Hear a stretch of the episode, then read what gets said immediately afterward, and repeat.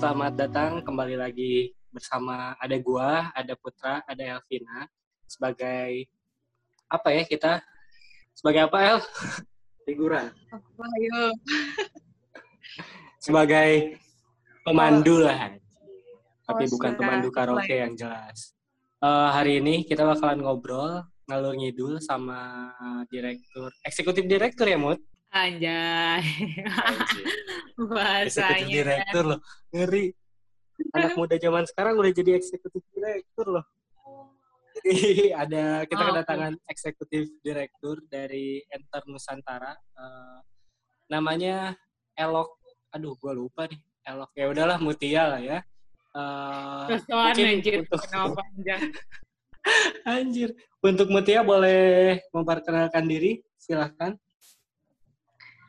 Ada formatnya nggak nih yang perkenalkan diri? Ntar gue semua gue aja lagi. Ya, terserah lu lah. Lu mau promo, ya gue masih jomblo juga ya, nggak Eh apa-apa. bangsat lu bajing. Siapa tahu ada anak-anak muda gitu, yang anak-anak kampus. Bawa status lagi. Eh, halo, aku Mutia. Sekarang lagi sibuk di Enter Nusantara, sebuah organisasi anak muda yang bergerak di isu perubahan iklim, lebih khususnya soal energi terbarukan. Enter kayaknya Nusantara gitu ya. Mm-mm. Energi terbarukan Nusantara. Ciri-ciri orang malas bikin nama, tinggal disingkat we, Enter energi terbarukan. Gue kira enter, klik enter. Enggak juga sih ya. Oh, Oke, gue kok Cu, anjir. gue di roasting nih. Nggak, aku- sebelumnya gue kenal sama Mutia 2015. Sebelum Mutia di enter ya, Mut. Masih di salah satu NGO juga. emang pertemuan iya antar 2015? NGO. Ya, waktu kita masih gemes-gemesnya nih. Gua sih, kalau lu sih enggak ya. Udah tuir juga. Pokoknya jam, zamannya si Zam-Zam lagi berusaha masuk UI sampai ketolak berapa kali? 6. Wah, di, dibongkar rahasia nih.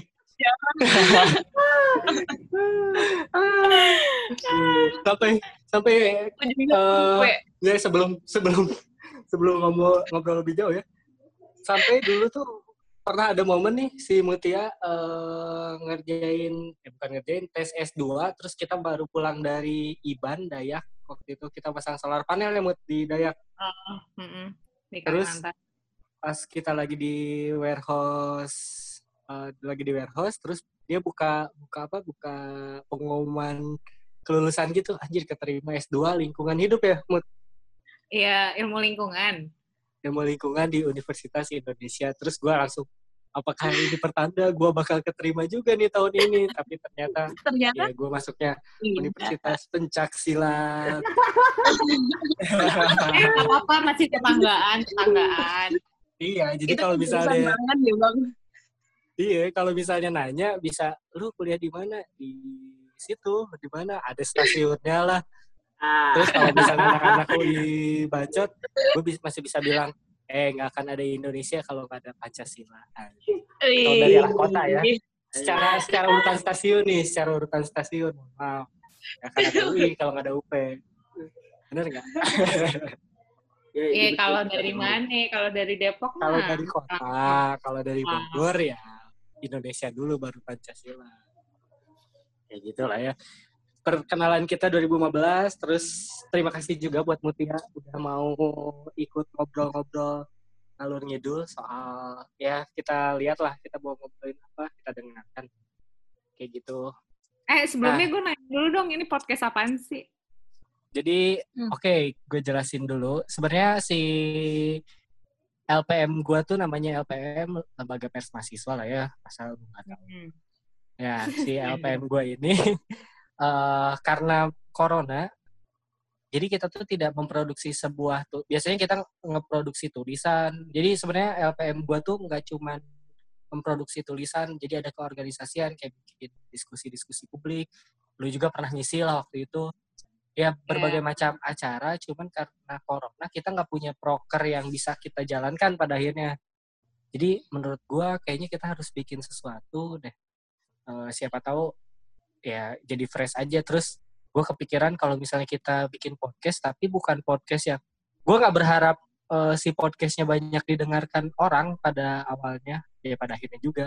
Tapi maksud gue ya jadi media kita untuk sharing ya kalau misalnya orang-orang ada yang mendengarkan syukur. Ya kalau enggak kita tambah-tambah silaturahmi. Intinya kayak gitu sih sebenarnya. Dan Mhm. isunya nggak isu kampus aja. Apa aja sih bisa dibahas di sini?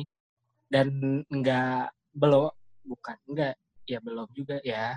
Antara enggak dan belum gede aja juga kan kita baru mulai belum benar-benar posting. Jadi ini bakal jadi postingan kedua. Di postingan yang pertama nanti kita bakal ngomongin soal isu kampus bersama ketua-ketua lembaga. Ah, anjay. paham lah ya ketua lembaga Aduh, lu jangan ketawa gitu, Mut. Nanti gue suka pengen ketawa juga gitu.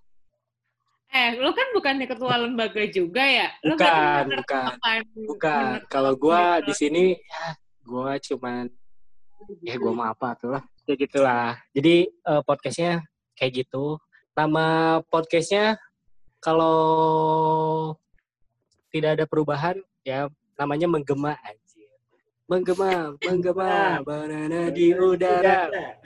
Langsung nyanyi nggak lu? Saya punya. Kok? Karena nama LPM nama LPM gua Gemalpas Gerakan Mahasiswa Almater Pancasila. Harus dibawa Ah, Pancasilanya hati-hati. iya. Udah harus Pride bangga gitu ya. Gue Iya, pride cuy. Pancasila gila kami. Ya kayak gitulah Eh, Mut. Jadi Lu eh, kayak lu secara kayak garis besarnya itu. si Putra ini di kantor gak sih? Apa? Lu kayak pernah lihat si Putra ini di kantor? Putra pernah ke kantor, L juga pernah ke kantor. Jadi eh, sebelumnya Hmm. L dan Putra pernah ke kantor. Lu ngapain ya ke kantor? Kapan ya? L, Put. Gue skip. Ada Ya urusan juga nih Mut di sini Mut. Kantor gue jadi tempat skip, anjir. Eh, ngomong-ngomong soal kantor lu sering jadi tempat skip nih, yang suka skip di kantor lu ada nih baru nongol nih. Oh iya, mana Kongguan, Fursan Kongguan, anak kesayangan lu. Urusan nak rangkas. Is Kalau Elvina itulah. ngapain ke kantor enter waktu itu? Skip juga? Ngapain skip ya, Bang? enggak. Sekalian Kita mau aksi sekalian. gitu. Mau aksi Mut Ah. kalau nggak salah. Oh, yang yang yang Nux Oh mau aksi sih? ini. DPR, DPR, DPR. Oh iya, bukannya ya?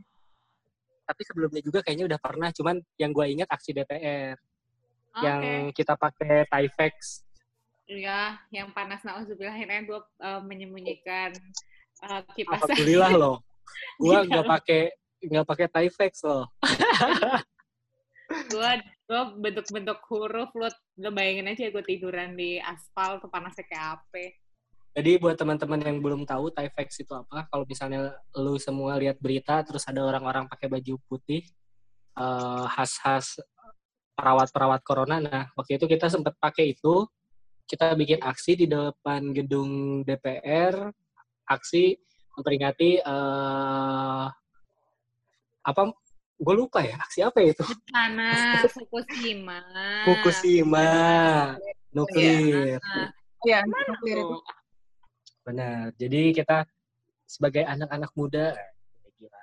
Eh, waktu itu kita ikut aksi bersama Greenpeace soal ngomongin soal nuklir bahwa sebenarnya nuklir itu berbahaya dan sebenarnya waktu kemarin-kemarin itu kan sempat sempat jadi rame kan eh, isu isu nuklir itu sempat mau diangkat gara-gara energi dimasukkan ke kategori energi bersih ya itu nah ini udah masuk ke terbarukan. udah masuk ke ini nih sedikit. Itu tuh gimana sih menurut lu? Kenapa bisa jadi nuklir gitu? Masuk ke alternatif energi? Hmm. aneh menurut gue sih.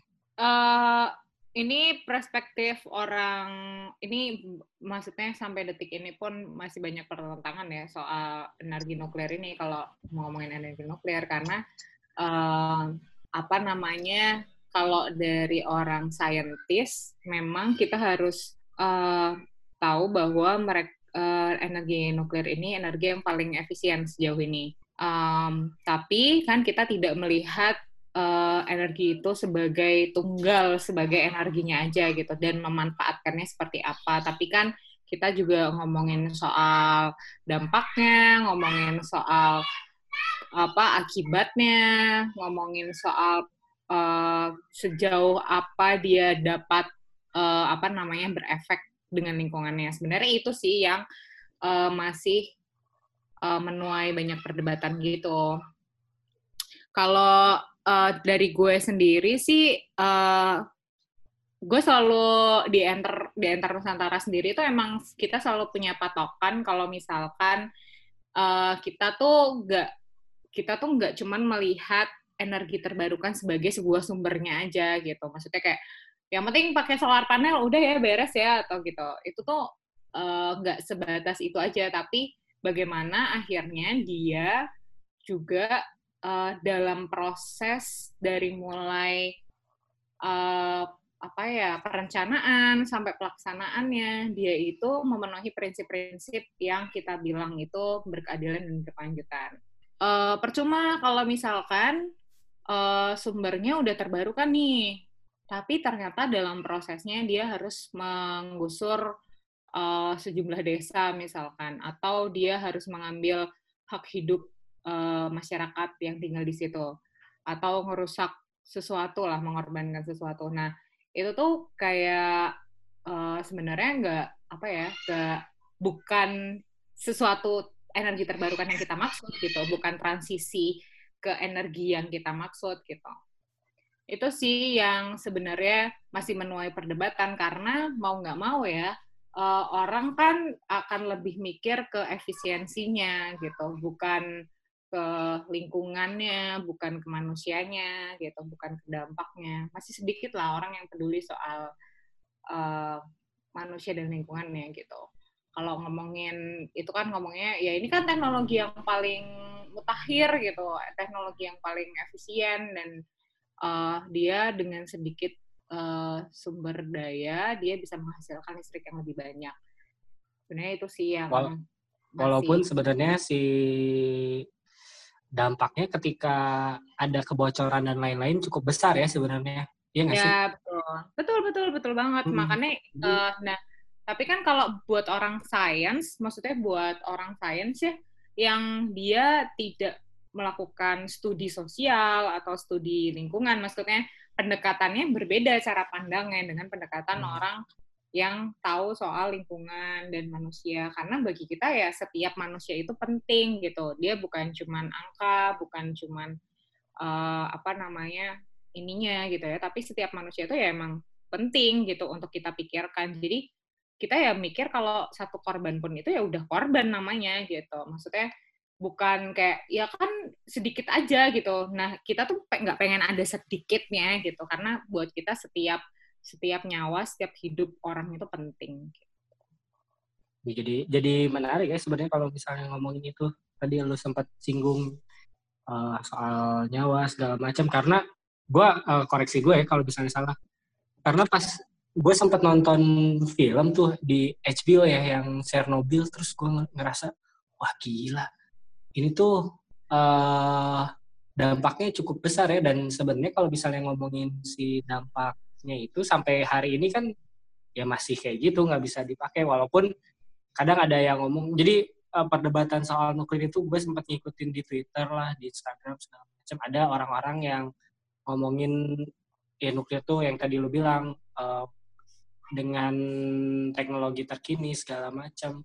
Dengan alih-alih enggak Chernobyl tuh zaman dulu segala macam. Tapi ketika gue pikir-pikir lagi ngelihat ya kita sama-sama tahu lah ya segala macam proyek kayaknya kalau misalnya gede ada ada cuan-cuan yang di, dipotong. Gue seuzonnya kayak gini deh misalnya ya nih kita bikin pembangkit listrik tenaga nuklir. Ah gue cuanin deh ininya sedikit gue cuanin gue cuanin. Pada akhirnya tidak safety gue rasa itu tuh bakalan dampaknya fatal juga. Sekelas Jepang yang yang menurut gue tuh Jepang tuh udah kayak wah oke banget nih Jepang segala macam uh, dari ya tertib lah ya. Gue bisa bilang Jepang tuh tertib secara secara secara pandangan online lah karena gue pernah ke Jepang. Cuman itu tuh terjadi kebocoran nuklir dan gue tuh ngerasa kalau Indonesia pakai itu tuh kayaknya nggak nggak oke deh, nggak bisa. Hmm. Kayak kayak gitulah sebenarnya kalau menurut gue.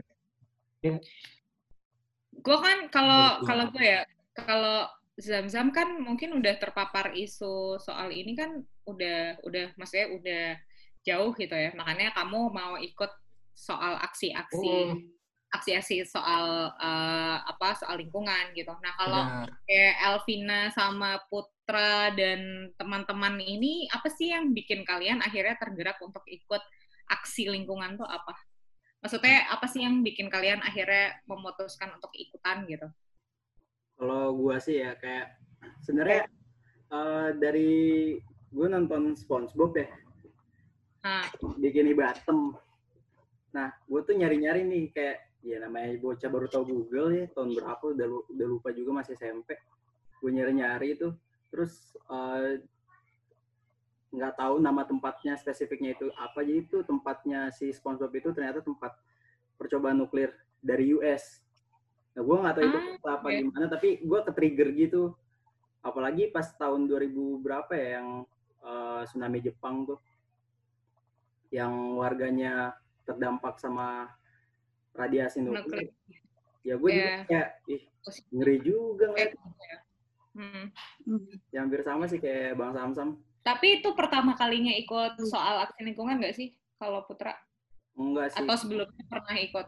Sebelumnya pernah ikut kayak Climate yang tahun kemarin juga ikut. Kalau Elvina gimana?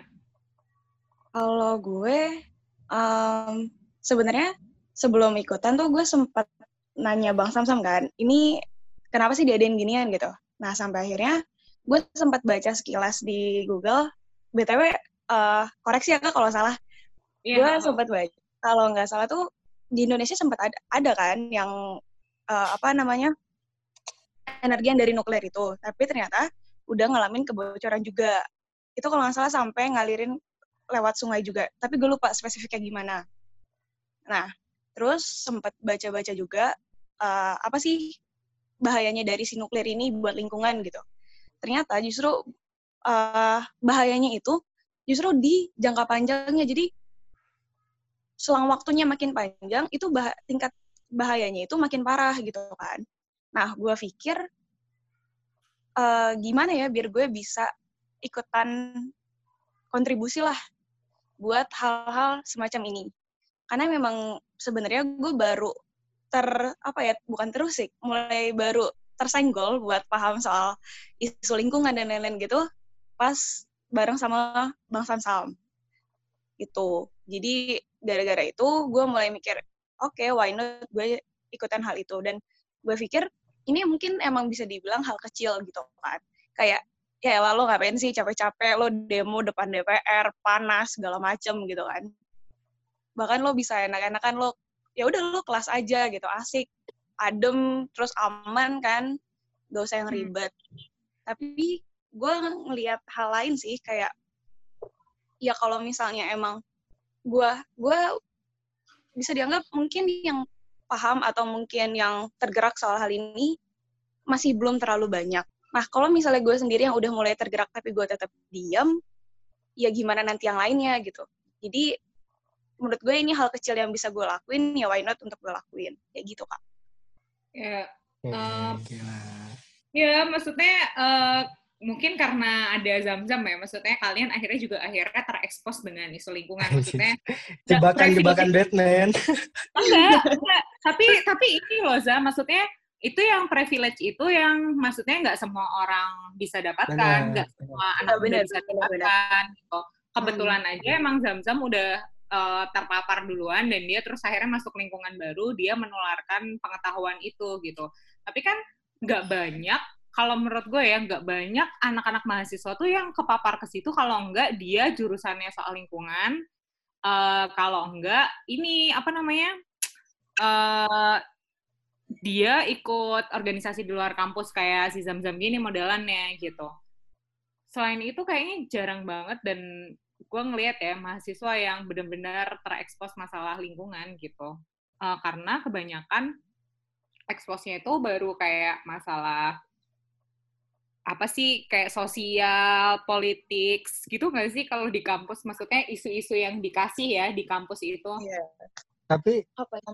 emang gue nggak ngerti ya eh, pola-pola isu di kampus tuh kayak gimana. Kayak gue tuh ngerasa kalau misalnya di kampus tuh soal lingkungan tuh rada-rada nomor belakang lah. Karena eh, yang tadi sempat lu singgung kayak misalnya ngomongin sosial, politik, eh, atau dan lain sebagainya di isu-isu yang sejenis itu tuh jadi isu utama karena sadar nggak sadar ya kita sama-sama pernah kuliah lah ya dan teman-teman lagi kuliah juga isu-isu kayak wah gila nih lu kiri banget nih wah lu anak pergerakan banget nih Ya, itu ya. jadi kayak kayak anjis gimana ya gua bukannya ini ya cuman itu tuh jadi jadi jadi template nggak sih? Maksud gua gua nggak nggak tahu ya fenomenanya kayak gimana. Cuman di kampus gua gua rasa kayak gitu. Dan di beberapa kampus yang pernah gua datengin kayak gitu. Makanya sebenarnya isu lingkungan itu tuh rada-rada susah masuknya eh, kalau ngomongin eh, di kampus ya.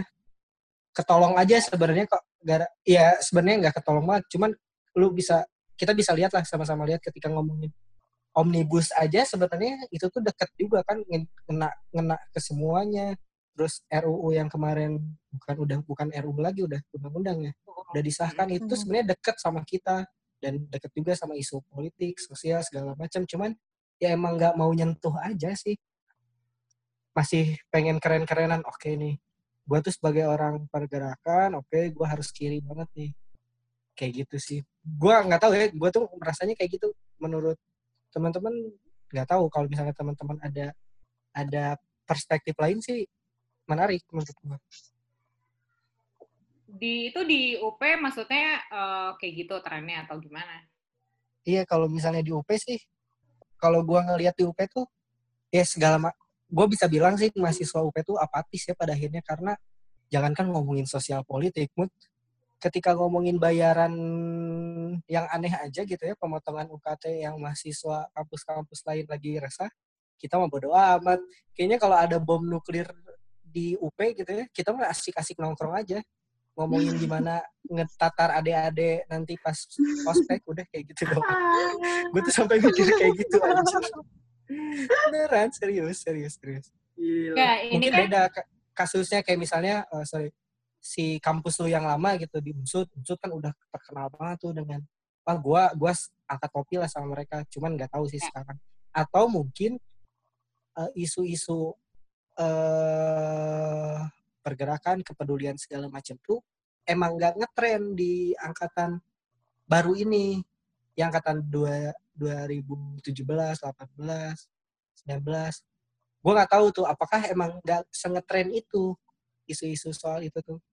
Menurut lo yang bergerak di bidang anak muda, terus isu-isu lingkungan, ngelihat fenomena itu tuh kayak gimana?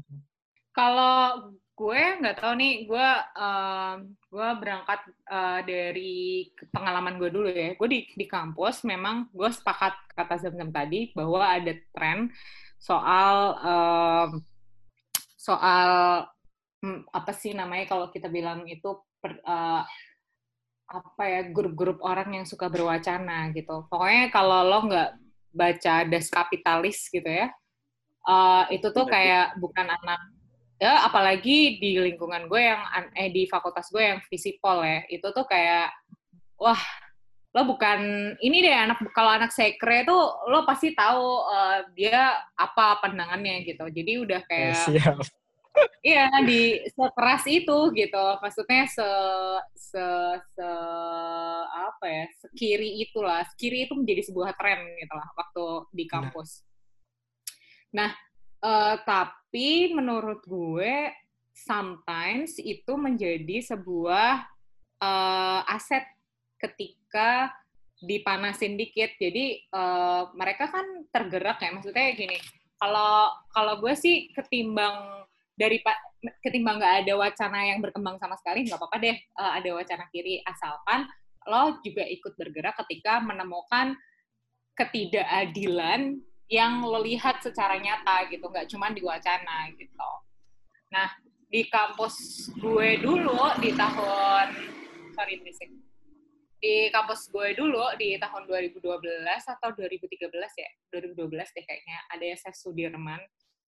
Em, apa namanya Chef Sudirman ini yang terkenal kita ngebom asap rektorat gitu gitulah itu rame banget sih itu bener-bener yang uh, gila rame banget deh itu. Untuk pertama kalinya itu bener-bener yang mahasiswa ngeruduk rektorat bener-bener yang kayak bener-bener ngeruduk rektorat gitu. Kita pakein yang tau gak sih yang biasa buat aku nggak tahu deh itu apa sih namanya yang buat kayak jadi supporter supporter bola gitu smoke loh. bomb, smoke bomb, smoke bomb. Iya, yang kayak gitu, yang warna-warni itu di, di di dalam ruang rektorat, gila kan? Kayak itu tuh bener-bener rame deh, rame gitu. Dan tapi uh, itu kan zaman 2012 ya. Nah, pertanyaan Zam-Zam kan ngelihat sekarang nih. Kemarin aku habis ngobrol-ngobrol juga nih sama senior-senior sama anak-anak sek yang tadinya anak-anak sekre yang masih ada di Purwokerto.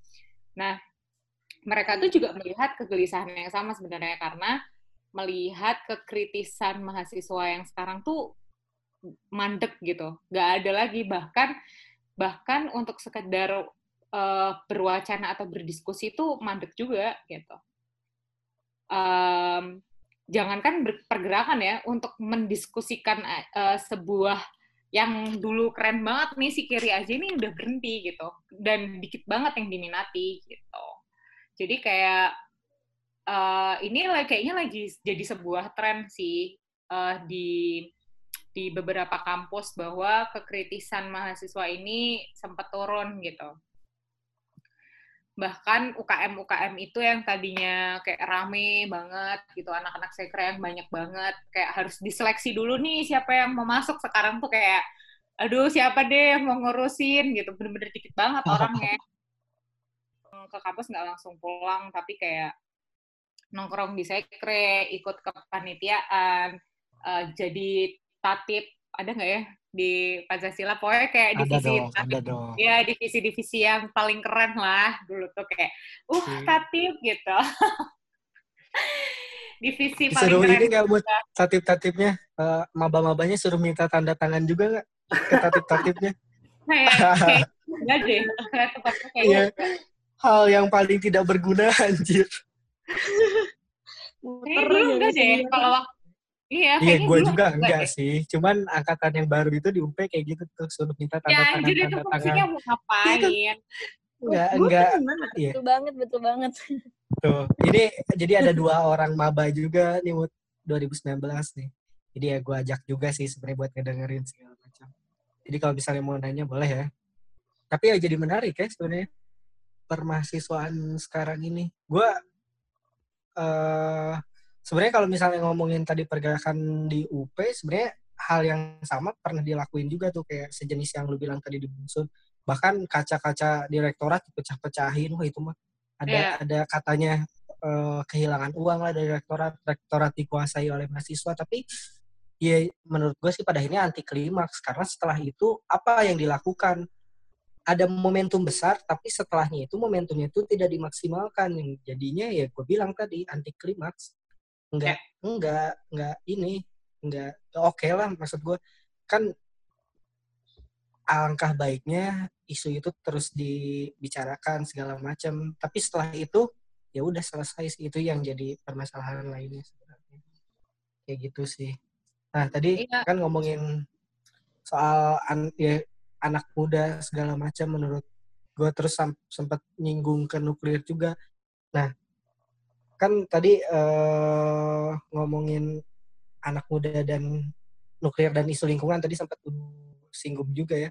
Nah, seberapa seberapa penting sih sebenarnya menurut lu ya, ya anak muda ini dalam uh, sebuah isu apalagi isu lingkungan ini? Oke. Okay. Uh, menurut gue ya seberapa penting sih penting banget. Penting pakai banget karena uh, kita tuh kalau ngomongin isu lingkungan tuh sebenarnya gue lebih suka ngomongin soal masa depan anak mudanya sih gitu. Yang bakal ngomongin gini-gini, yang yang bakal tinggal lebih lama di dunia ini kan pasti anak-anak muda kan gitu. Uh, yang mengambil keputusan, pemimpin-pemimpin uh, yang sekarang mengambil, maksudnya yang punya peranan di uh, isu apa pun itu yang berakibat pada isu lingkungan itu kan yang ngambil peranan itu paling uh, ya gue nggak mau ber, ber apa suuzon ya tapi kan harapan tingkat harapan hidup orang itu kan ya 70 70 80 tuh udah maksimal deh kayaknya. Gua Setelah gua itu 60 kayaknya soalnya umat Nabi, Nabi dan Rasul. Kalau udah lebih dari 60 bonus ya. Bonus, bonus, bonus, benar. Lanjut, Nah, lanjut gimana? Nah, eh, itu dia maksud gue adalah eh, berarti kan ting- eh, untuk menuju ke sana kita itu lebih punya banyak waktu ketimbang si orang-orang tua-tua ini kan yang dia punya peranan lebih lah untuk mengambil apa keputusan dan akhirnya eh, punya peranan lebih lah di dunia ini gitu. Nah, kenapa anak muda itu akhirnya penting? Kalau menurut gue ya pertama karena kita yang hidup lebih lama, yang kedua ya itu soal masa depan kita gitu. Ya kita yang akan hidup di masa depan itu. Masa mereka yang menentukan gitu. Masa orang-orang tua ini yang menentukan bagaimana dunia yang akan kita jalani masa depan nanti gitu. Makanya itu menurut gue penting banget buat kita nggak cuma tahu, tapi kita juga mulai berperan gitu. Kalau gue sih menuntutnya udah nggak anak muda itu harus tahu bahwa eh, lingkungan itu penting, tapi anak muda harusnya sudah berperan karena itu adalah hak kita, hak anak muda, masa depan kita gitu. Kita yang akan jalanin hidup 20-30 tahun lagi. Lo, lo semua yang yang tua-tua itu lo paling berapa sih harapan hidup lo gitu. Paling 10 tahun lagi atau 20 tahun lagi udah nggak ada. Sedangkan eh, kita-kita ini yang bakal susah gitu. Masa ya kita cuman kita cuman bisa apa namanya melihat apa sih kayak kita tahu nih masa depan iya kita tuh tahu masa depan kita tuh diambang kehancuran. Masa kita mau cuman tahu doang kita nggak mau berperan lebih gitu. Jadi menurut gua anak muda ini udah seharusnya berperan lebih karena kalau prediksinya aja krisis iklim akan sangat berakibat pada kehancuran dunia 10 sampai 15 tahun lagi ya terus kita bisa apa gitu 10 sampai 15 tahun lagi tuh kan kita masih punya banyak impian ya. Mungkin teman-teman yang kayak kampus gini kan 10 15 tahun lagi baru mau pengen nikah, pengen punya anak, baru punya anak ya masa langsung dunia udah hancur gitu aja sebelum eh, apa teman-teman yang yang pengen lakuin itu dilakuin gitu. Cita-cita atau keinginan teman-teman itu dilakuin dan itu yang itu yang sebenarnya dikorbankan gitu masa mudanya kita dan aku sih pengennya kayak anak muda ini kayaknya nggak nggak nggak bisa deh terus apatis gitu. Itu sih. Makanya Oke, eh, jadi, jadi menarik ya sebenarnya eh, peran anak muda yang tadi sempat lu singgung ketika nggak fair dong. Ya, gue bisa bilang pada akhirnya eh, nggak fair dong ketika yang memutuskan kebijakan itu orang-orang dalam tanda kutip orang-orang tua, tapi yang menikmati bukan menikmati, yang kena batunya ang- angkatan-angkatan muda nanti ya itu tuh jadi kayak nggak fair gitu pada akhirnya mungkin ya menurut gue Ya. ya sejenis Ya. kayak gitu makanya kan Oh, balik ke Ya. tanya ke kalian kan maksudnya ke teman-teman yang zam-zam gitu apa sih yang sebenarnya bikin kalian tergerak gitu karena menurut gue eh, yang yang teman-teman yang di sini adalah orang-orang yang udah punya privilege untuk tahu dan mau tergerak gitu akhirnya PR-nya adalah gimana mengajak teman-teman lain yang lebih luas untuk ikut tahu dan tergerak gitu untuk ikutan berperan gitu itu sih pertanyaannya kemudian yang harus dijawab bersama-sama Kamu Bener. Tia. Ya. Kak, em, kalau kakak tuh mulai terjun di dunia lingkungan gini dari kapan sih kak? eh kapan ya? Aku tuh jadi kayaknya SMA, SMP, SMA SMP. Eh antara SMA atau SMP deh. Jadi tahunnya eh, mau tahunnya tahunnya tahun berapa gitu bentar dulu, SMA itu 2009 deh kayaknya. Antara 2008 2009. Berarti udah lumayan lama ya kak? Ya, I'm not that young. Ya, gue udah Nah. lumayan. Kok gue angkatan 2011 kuliahnya. Ya. Oke. Nah, kalau yang kakak lihat sendiri dari 2009 sampai sekarang kan 2020, Hmm. ada nggak sih perkembangan yang signifikan atau yang terjadi di pergerakan tentang lingkungan ini yang dilakukan sama anak muda itu sendiri? jauh sih. Maksudnya kalau ngomongin pergerakan anak muda yang peduli dengan lingkungan itu sebenarnya dari dulu sebelum Greta ya kalau kita ngomongin sekarang Greta uh, itu tuh banyak sebenarnya uh, orang-orang anak-anak muda yang juga bersuara gitu. Cuman uh, yang akhirnya sekarang menjadi titik poinnya lebih masif lagi sampai benar-benar di berbagai negara sampai ratusan ribu anak-anak terjun langsung uh, turun ke jalan demo gitu soal komitmen krisis iklim yang uh, diminta ke pemimpin-pemimpin dunia itu tuh uh, akibat kayaknya kalau menurut aku itu bantuan ekspos media sosial juga deh. Maksudnya lebih mudah mengakses informasi gitu. Itu keuntungannya sih kalau menurut aku. Tapi uh, perubahan dari tahun 2009 sampai 2020 itu jauh banget. 2009 menurut aku isu lingkungan itu kayaknya masih anak ini untuk anak muda ya masih seputar kalau enggak mereka yang punya privilege orang tua yang juga peduli soal lingkungan um, biasanya orang-orangnya udah sekolahnya di apa sih kayak yang sekolah-sekolah alam gitu loh. Kayak hmm. sekolah-sekolah kalau enggak sekolah-sekolah yang uh, basisnya lo, bukan Indonesia gitu ya yang luar gitu biasanya mereka udah dikenalkan soal pendidikan lingkungan. Nah uh, mereka paling yang udah terpapar di tahun 2009 itu paling yang terpapar juga adalah anak-anak muda yang memang tergerak eh bergerak di pecinta lingkungan. Kayak apa sih mapala kayak gitu-gitu. Terus apa pokoknya yang demen-demen naik gunung. Dan itu jumlahnya masih sedikit banget gitu. Uh, dan itu pun sebatas lingkungannya itu benar-benar terbatas. Soal hutan aja. Hutan dan satuannya lah. Tapi untuk soal sampah, soal mangrove, soal energi terlebih ya, itu masih jauh banget, masih belum ada apa-apanya gitu. Kayaknya dulu energi itu masih jauh banget tertinggal lah. Isu itu tuh kayak apa sih gitu.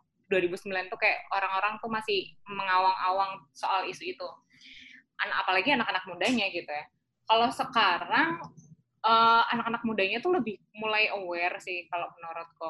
Mereka udah tahu uh, sampah, uh, soal isu sampah, soal isu apa namanya kebakaran hutan, soal perubahan iklim, soal banjir itu uh, kaitannya dengan perubahan iklim menurut aku udah mulai berkembang ke arah sana sih. Kalau sekarang apalagi kalau dari segi pergerakan yang aku bilang tadi bahwa keterlibatan eh adanya tokoh-tokoh kunci kayak Greta gitu ya uh, itu juga bikin pergerakan yang sangat masif sih seriusan itu aku hebatnya Greta kalau menurutku adalah dia bisa benar-benar bikin anak-anak turun ke jalan dan meminta langsung ke pemimpin hmm. uh, apa pemimpin-pemimpin dunia gitu.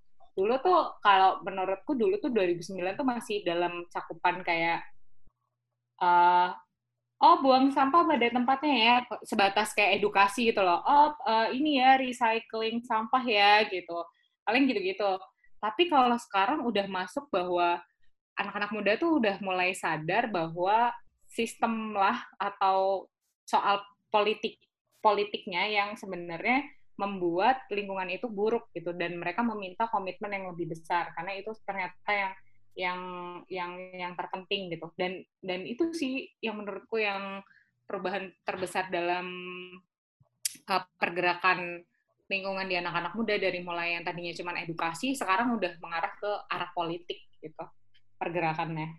Eh, menarik Berarti ya. kesadarannya mulai kebangun banget ya kak. Positif lah ya perkembangan uh, dari si anak jauh, muda ini. Jauh, jauh, jauh, jauh, hmm. jauh, jauh banget, jauh banget sih, jauh ke arah Tapi, positif kalau menurutku. Mood, uh, hmm? ya maksud gue jangan kan gitu ya ketika 2015 aja ya awal-awal kita ketemu nih kalau sadar nggak sadar volunteer yang join di isu-isu lingkungan katakanlah waktu itu kita di PLTU Batang lah misalnya ya lu sadar nggak sih itu tuh orang-orang tua ya yes. kebanyakan orang tua terus makin ke sini makin ke sini wah keisi sama anak-anak muda anak-anak kuliahan ya jadi cepat aja sih sebenarnya perkembangannya cukup cepat. Iya, karena ya, lu sentuh media sosial ya. Betul, karena sekarang itu kelebihannya adalah kita tuh keterbukaan informasinya bebas banget dan yang mengakses banyak uh, sosial media atau internet gitu ya, yang mengakses itu kan anak-anak muda. Jadi mereka lah yang terpapar informasi terlebih dahulu kalau menurut aku. Kuncinya Oke. sih sebenarnya gitu. Dan sebenarnya eh, tadi sempat lu bilang jadi mainstream segala macam, tapi ngelihat pola anak muda di urban lah ya, katakan ketika kita ngomongin soal eh, tren, kalau ngomongin tren, beberapa tahun ke belakang, ya beberapa tahun belakangan ini kan sebenarnya jadi budaya mainstream juga dalam artian budaya populer juga lah.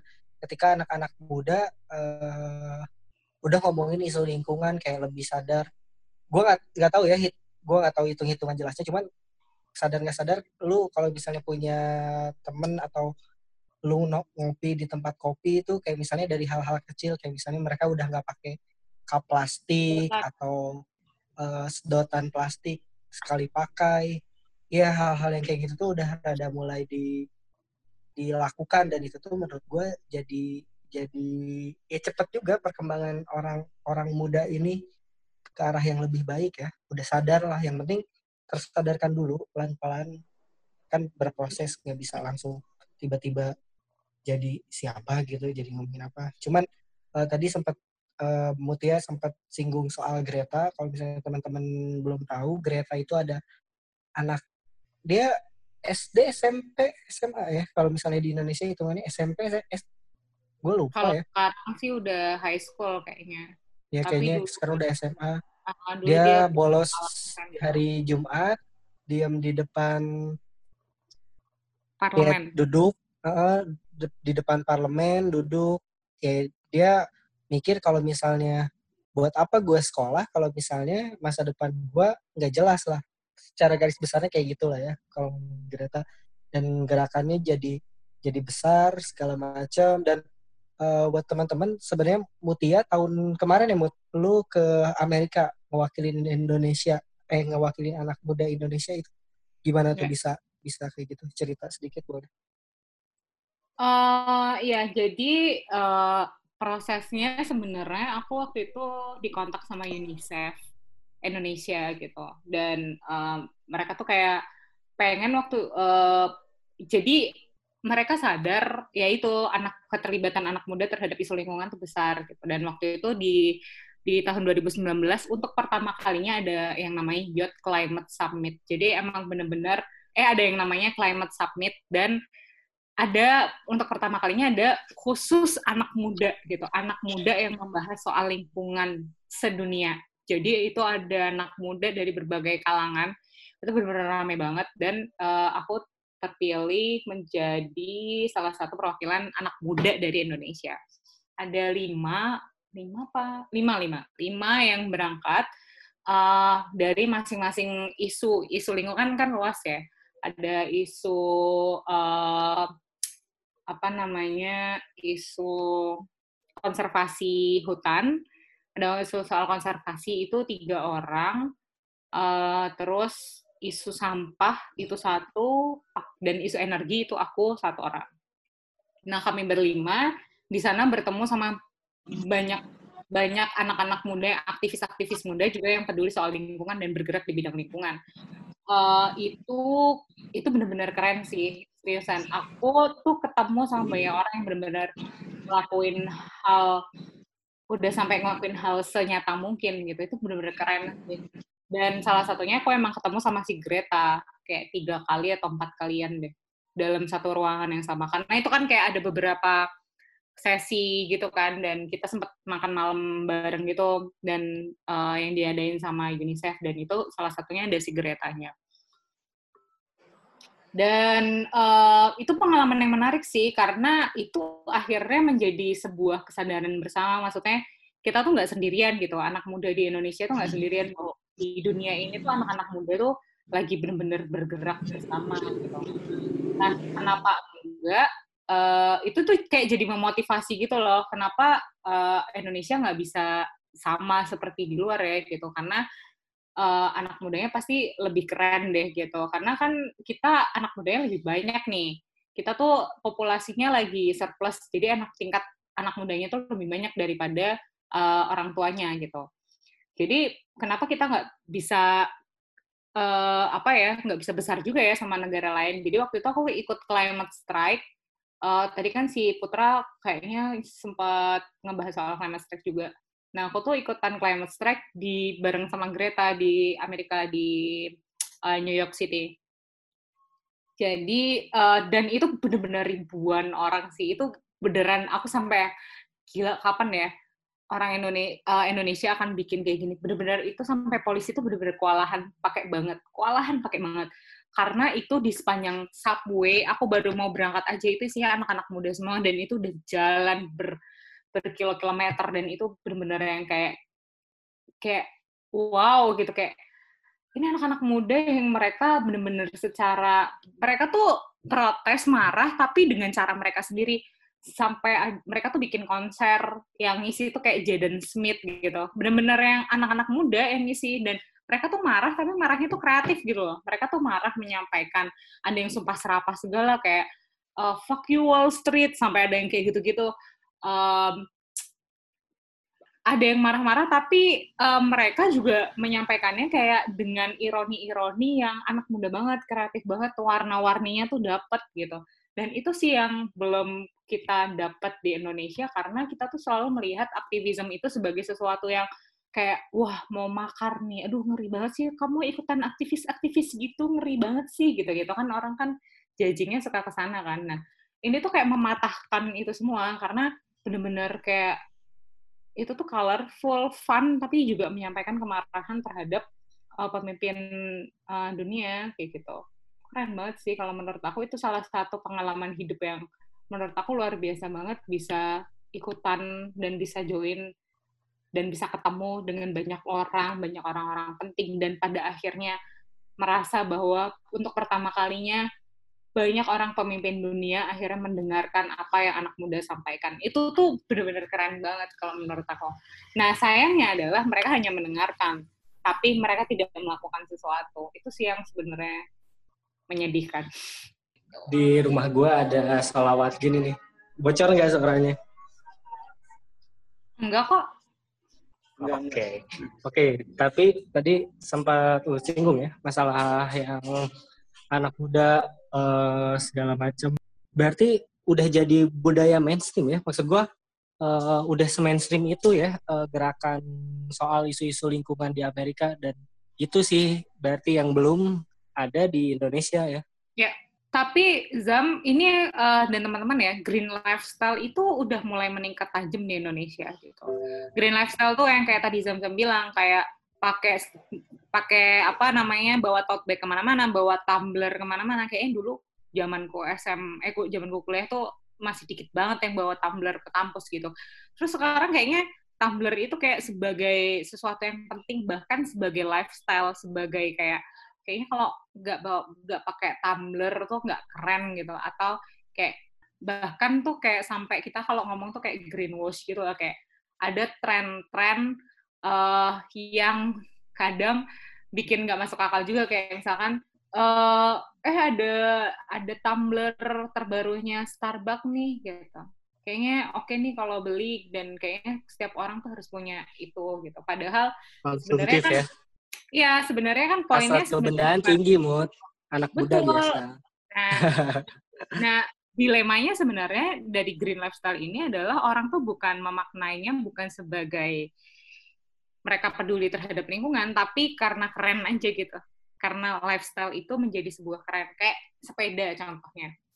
Sepeda ini kan uh, keren kan sekarang gue siapa sih yang nggak tahu Brompton dan lain sebagainya tuh sepeda-sepeda mahal itu sekarang kayak kayak orang tuh rela ngeluarin puluhan juta buat beli sepeda dulu mana ada pasti orang mikirnya ngapain gue udah cap apa bayar ma beli sesuatu mahal-mahal capek pula gitu sekarang kan itu menjadi budaya yang gila-gilaan banget tapi akhirnya punya masalah baru kan karena ternyata mereka memaknai naik sepeda itu bukan sebagai menjaga kesehatan atau apa, tapi sebagai tren yang keren gitu, lifestyle yang keren, um, yang akhirnya menjadi sebuah masalah gitu. Kayak uh, ada kasusnya yang apa sepeda masuk masuk kafe nggak mau ditaruh di itu takut hilang dan lain sebagainya karena merasa apa sepedanya mahal gitu gitu dan uh, itu sih dilemanya sebenarnya dari kalau misalkan uh, isu lingkungan ini akhirnya menjadi tren tapi uh, tren yang keren tapi orang akhirnya tidak memaknainya sebagai uh, kayak ya kenapa melakukan Oke, ini. menarik ya. Kayak Itu misalnya. Kayak misalnya eh, si ngomongin soal plus dan minus ya kayak gue tuh terkadang lucu juga ketika ngelihat orang-orang eh, orang-orang yang, yang beli sedotan besi misalnya tapi tetap packagingnya pakai plastik misalnya kan itu sebuah ironi ya pada akhirnya. Ya sama lah ironi yang lainnya. Cuman itu selalu ada plus dan minus. Tapi secara tidak langsung budaya yang bikin ya tadi tuh yang yang buat ini ngetren tuh pada akhirnya mungkin bisa jadi trigger juga buat yang lainnya. Apalagi kalau misalnya gue jujur aja ya sekarang lagi seneng ngeliat snapgram gitu gara-gara teman-teman gue pada aktif berkebun Ya. pas masa pandemi itu kan jadi menarik itu anak-anak muda tiba-tiba berkebun di rumahnya dan itu juga kalau misalnya lu sadar nggak sadar itu tuh jadi mainstream juga ketika lu belum keren nih kalau misalnya belum punya kebun kecil-kecilan di rumah atau misalnya belum menanam. Tapi secara pribadi balik lagi untuk gua pribadi gue tidak bisa menanam atau eh, berkebun karena gue tidak punya ilmunya. Karena pas zaman-zaman SMA mata pelajaran pendidikan lingkungan hidup gua cuma diajarin beres-beres kelas. Ya kan itu tuh yang yang jadi menarik. Maksud gua kita tuh udah dibentuk dari gua nggak tahu ya kalau misalnya anak-anak muda yang baru ini. Cuman pas era-era gua SMP 2009 ya 2010 atau 11 terus sekitar segitu gue lulus SMA 2014 tapi rentan waktu itu tuh ketika kita belajar soal PLH lingkungan hidup itu pasti cuman beres-beres kelas dan nggak ada tuh unsur-unsur lingkungan hidupnya. Gue nggak tahu nih mungkin anak-anak yang baru kuliah ini kesentuh nggak sih soal isu-isu lingkungan? Tadi kita sempat cerita macam-macam tuh. Mungkin ada yang mau share nggak soal isu-isu lingkungan di kalangan anak muda? Karena gapnya cukup lumayan ya. Maksud gue Mutia di 2009 2014 mungkin kita bisa dengar dari sudut pandang anak-anak 2019 lah ya Mut. Saudara muda. Itu 2011 Zamzam lulus SMA-nya. Gue lulus 2014 ya kita beda sedikit lah ya cuman maksud gue Iya. eh, otomatis sistem pembelajaran yang lu sama gue mungkin eh, berdekatan masih sama ya soal lingkungan hidup gue nggak tahu cuman kalau di Bandung kalau misalnya lu ngomongin pendidikan lingkungan hidup ya pasti beres-beres kelas lah udah itu mah harga mati jam favorit cuman gue nggak tahu nih ada ada yang mau share nggak teman-teman 2019 Eh, ngeliat aku aku boleh nggak dan boleh boleh boleh boleh Ya.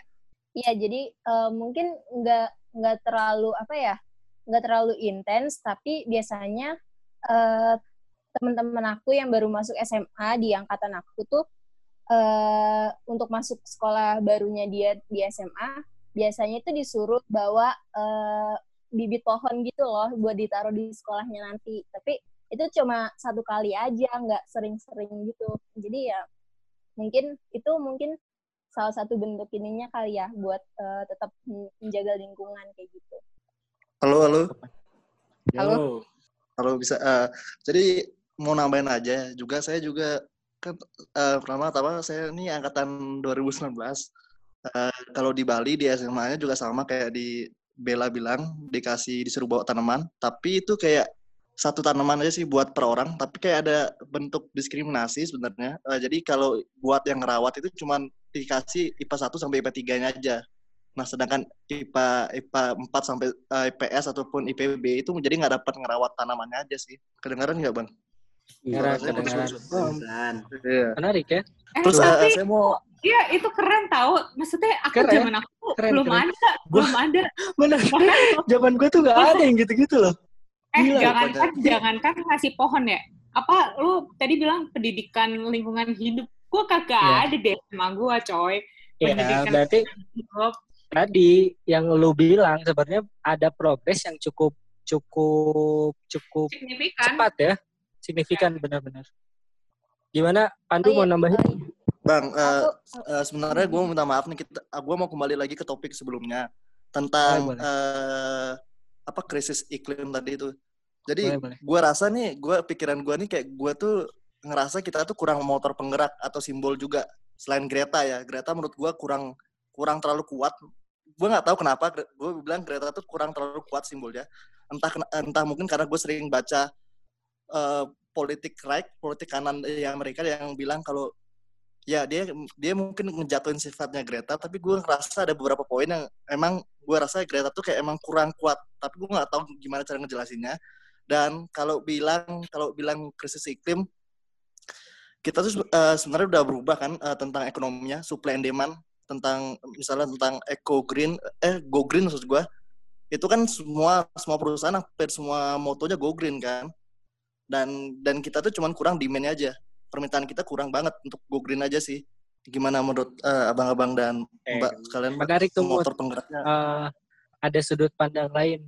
Ya sebenarnya gue nggak tahu ya dari dari gue dulu deh. Sebenarnya kalau misalnya ngomongin Greta misalnya di satu sisi Greta udah cukup kuat nih secara secara global ya, secara global dalam artian ya kita lihatlah uh, ngomongin Greta siapa yang datang Greta mungkin ya di, di angkatan-angkatan kita. Cuman baik lagi ketika ini ngomongin skala lokal mungkin nggak ada sosok yang pada akhirnya jadi jadi apa ya jadi oh iya nih jadi motornya. harus kayak dia bener, dia bener. jadi kayak keren keren banget gitu. Iya iya benar benar gue tuh belum belum ngelihat ada sosok anak muda yang bisa jadi panutan.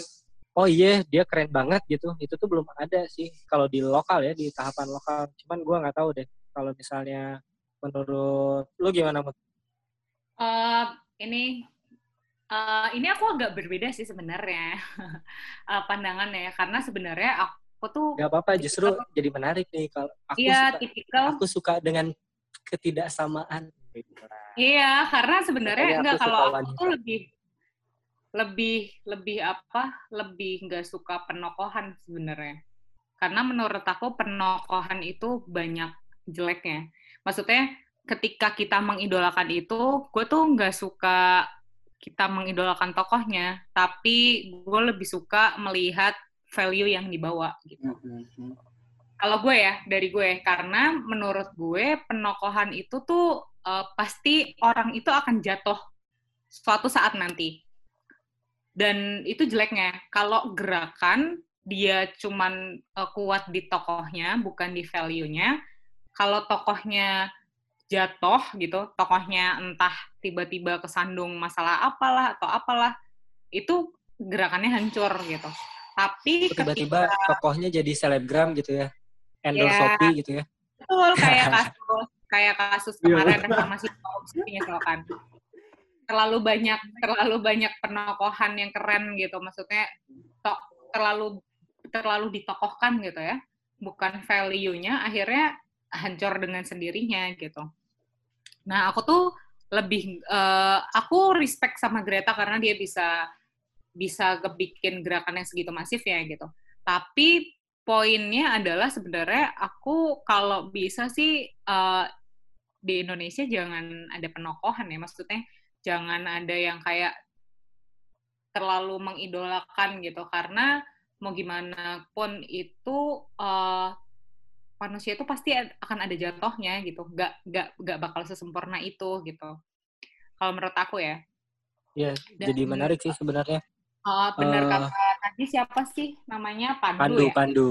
Ya, uh, benar kata Pandu tadi karena Pandu melihatnya dari sisi politik kanan dan banyak orang yang akan ngomong soal kejelekannya si Greta, terutama siapa yang dibaliknya Greta gitu kan uh, akhirnya kita kan melihatnya ah ternyata nggak seidealis idealis itu juga kok si Greta kayak gini-gini akhirnya kan larinya ke sana nah itulah yang sebenarnya jeleknya dari penokohan gitu. Karena kita akan melihat si Gretanya gitu.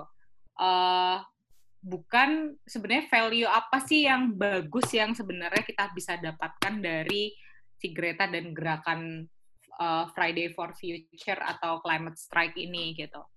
Itu sih kalau menurut aku makanya uh, mulai di, di di di dunia global itu sekarang mulai diciptakan diferensiasi penokohan yang nggak cuman dia nggak cuman ngebahas soal si Greta aja tapi juga anak-anak muda lainnya terutama yang dia bergerak di uh, dia yang bergerak di bidang maksudnya dia yang terjun langsung sama masyarakat gitu. Terus pertanyaannya sebenarnya di Indonesia ada nggak sih anak muda yang kayak gitu? Sebenarnya ya ada, banyak banget asli. Sebenarnya ada dan banyak banget. Tapi apakah pertanyaannya apakah itu terekspos apa tidak oleh media lokal, oleh informasi yang ada di lokal? Nah itu perlu di review lagi apakah itu terekspos atau enggak gitu. Tapi kalau misalkan ada nggak sih anak muda yang keren banget nih pergerakannya? Uh, banyak. Aku bisa nyebutin. Kalau mau dari anak muda yang dia sampai go internasional ya, di Bali misalkan. Pandu sendiri pasti tahu Melati Wis, Mela, Melati Wisjen. Dia udah, wah gila. Aku barengan sama dia di di Amerika Serikat, dia tuh beda banget uh, gerombolannya. Dia udah gerombolan anak-anak muda yang inilah udah yang kayak dia dikelilingin banyak media yang akan menanyakan kalau ibarat pemain skateboard pro pro player mood oh iya yeah, gitu gitu lah jadi kayak wah dia udah expert banget lah. Karena dia dari kecil kan di bye plastik kalau nggak salah uh, di Bali. Terus uh, ada juga beberapa aku bisa bilang kayak anak-anak muda yang nggak kelihatan banget di media tapi dia kita nggak bisa meragukan lah uh, bagaimana perjuangan dia terhadap krisis iklim di tapak atau di daerah gitu.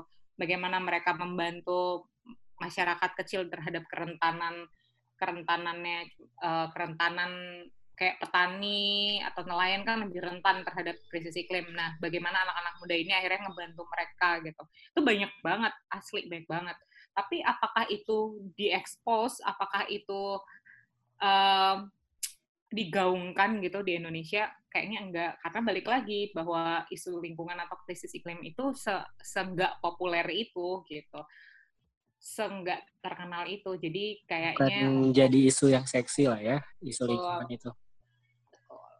Ya, sebenarnya tadi gue ngerespon Pandu sama Mutia. Sebenarnya ada plus dan minusnya juga kan sebenarnya penokohan. Uh, kita bela banyak belajar lah kalau misalnya bagaimana penokohan yang pada akhirnya gue bisa bilang lah ya aneh gitu uh, di hari ini ketika ngomongin pergerakan besar sekian delapan kan udah jelas tuh penokohannya ini ini ini ini terus pada akhirnya sekarang ya kita bisa lihat lah ya penokohan yang ditokohkan tokohkan itu tuh pada akhirnya tidak se raw dulu. Nah itu tuh jadi minusnya cuman uh, yang berbeda dari gua tetap sih gua merasa perlu ada trigger untuk untuk untuk mempopulerkan itu. Tadi uh, lu sempat bilang iya nih, eh Mutia sempat bilang ada nih di Bali segala macam, tapi balik lagi itu nggak dapat porsinya dan porsi dari medianya yang menyebabkan kita juga nggak tahu tuh.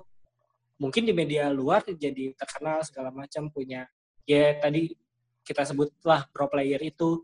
Tapi kan di di di lingkungan kita tuh belum ada gitu. Apalagi gue rasa uh, mungkin ya untuk Jakarta sendiri misalnya ya gue nggak tahu sih belum ada yang bisa bikin yang ngajak ngajak orang-orang segala macam sebesar itu sih. Perlu cuman ya itu balik lagi. Ada plus dan minusnya lah ya semua. Cuman jadi menarik sih. Kalau gue sih bang ya ngelihatnya sih kayak kita kan ngomongin masalah anak muda dan krisis iklim dan lain-lainnya nih. Uh, yang jadi pikiran gue tuh sebenarnya tuh anak muda punya aja pikiran buat kayak gitu. Tapi yang jadi masalah itu kemakan sama pola konsumtifnya mereka sendiri. Hmm, kayak gini loh. Uh, kita ngambil contohnya dari kampung gue di Makassar. Uh, itu kalau anak-anak muda yang ada di sana, teman-teman gue, teman SD, teman kecil gue yang sekarang udah seumuran sama gue, gue ngeliat kayak, oke okay, di kampung berusaha hidup seperti layaknya di kota, sedangkan orang kota berusaha hidup layaknya orang kampung yang kayak home gardening, uh, sepedahan ataupun pokoknya go green gitulah. Nah, uh, gue malah ngelihatnya kayak si uh, yang bukan masalah penokohan ataupun masalah si siapa yang jadi influencernya tapi yang jadi masalah itu kayak mereka itu dari kecil terbiasa dengan hal yang seperti itu uh, entah itu dia uh, jadi pola konsumtif dikit-dikit pakai plastik dikit-dikit beli ini dikit-dikit beli itu yang ujung-ujungnya jadi, jadi sampah yang ujung-ujungnya bikin banjir atau segala macem ya itu malah jadi faktor kebiasaan dari kecil dan menurut gue kalau mau diubah sekalipun uh, perlu waktu yang lama dengan tokoh yang lumayan besar yang maksudnya berpengaruh di daerah tersebut, daerah di kampung gua gitu, gitu ceritanya. Nah, uh, kayak si teman gua di Makassar, gua ngelihatnya kayak gue di di Bogor uh, ngelempar apa ngelempar bawang merah terus gue ngecek gue ngecek beberapa hari kemudian kok tumbuh gue ngelempar biji cabai kok tiba-tiba tumbuh jadi pohon pohon cabai gue ngelempar buah paya tiba-tiba tumbuh jadi pohon paya. Terus mereka di sana malah lu ngelempar duit juga dong jadi tumbuh pohon duit gitu. Agak maksudnya kayak uh, kayak di, di masyarakat di kampung gue malah polanya lebih sangat konsumtif entah itu apa pun ya jadi kalau buat uh, masalah lingkungan sendiri di kampung gue itu masalahnya sama sampah. Gitu uh, kampung gue sekarang nggak kayak dulu sekarang itu kayak bener-bener berantakan gara-gara si anak-anak mudanya ini kagak ada ngerti sama kayak gituan. Dia mereka cuma ngerti masalah yang ngetren yang mahal yang asik gue jalanin kayak gitu.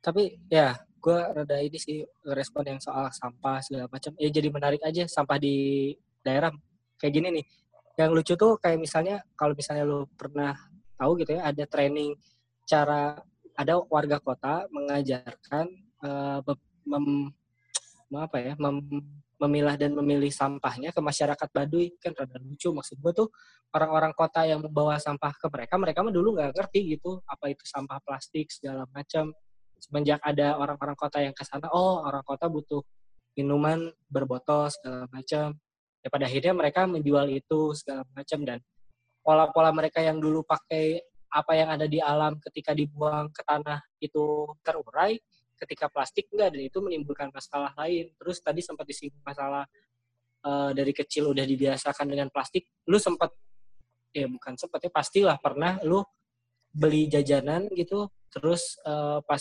bilang ke abang-abangnya bang nggak usah pakai plastik terus abangnya merasa berdosa gitu enggak enggak ini mah harus ini mah harus seakan-akan plastik itu sebuah syarat ketika lu berjual beli gitu. melakukan proses jual beli. Dan itu tuh jadi jadi menarik sih. Emang rada susah ngerubah uh, si pemikiran pemikirannya sih menurut gua ya. Tapi kalau misalnya ada yang lain kalau gue nyambung ya yang bang Samsam ngomongin soal abang-abang apa kita kita belanja di abang-abang gitu terus kita minta nggak buat nggak pakai plastik tapi dia kaget. Gue pernah tuh ngalamin gitu bang. Jadi uh, gue beli roti di pinggir jalan gitu terus gue bilang kan gak usah pakai plastik bang pakai kertasnya aja gitu. Terus jawaban dia gini doang. Oh neng itu anak kuliahan ya neng? Langsung langsung strike gitu apa responnya okay, dia kan. menarik nih menarik. Terus gue bilang gini kok nanya gitu bang? Gue gitu kan. Terus dia bilang iya soalnya uh, sering banget belakangan ini anak kuliahan yang gak pengen pakai plastik kalau misalnya belanja di sini. Gitu kata dia. Berarti sebenarnya uh, pemahaman sih. Dan buat act langsung dari si anak mudanya ini itu perlahan eh, perlahan-lahan udah mulai realisasi nggak sih? Ya kan kalau misalnya ada kayak gitu ada faktanya langsung di lapangan gitu sih. Iya menarik sih sebenarnya. Tadi yang sempat disinggung sama Mutia juga emang progresnya beneran cepet sih dari ya sampai hari ini ya. Progres soal kesadaran soal lingkungan segala macam pengaruh media juga segala macam tapi menurut lu gimana tuh ah, ngelihat fenomena itu tuh?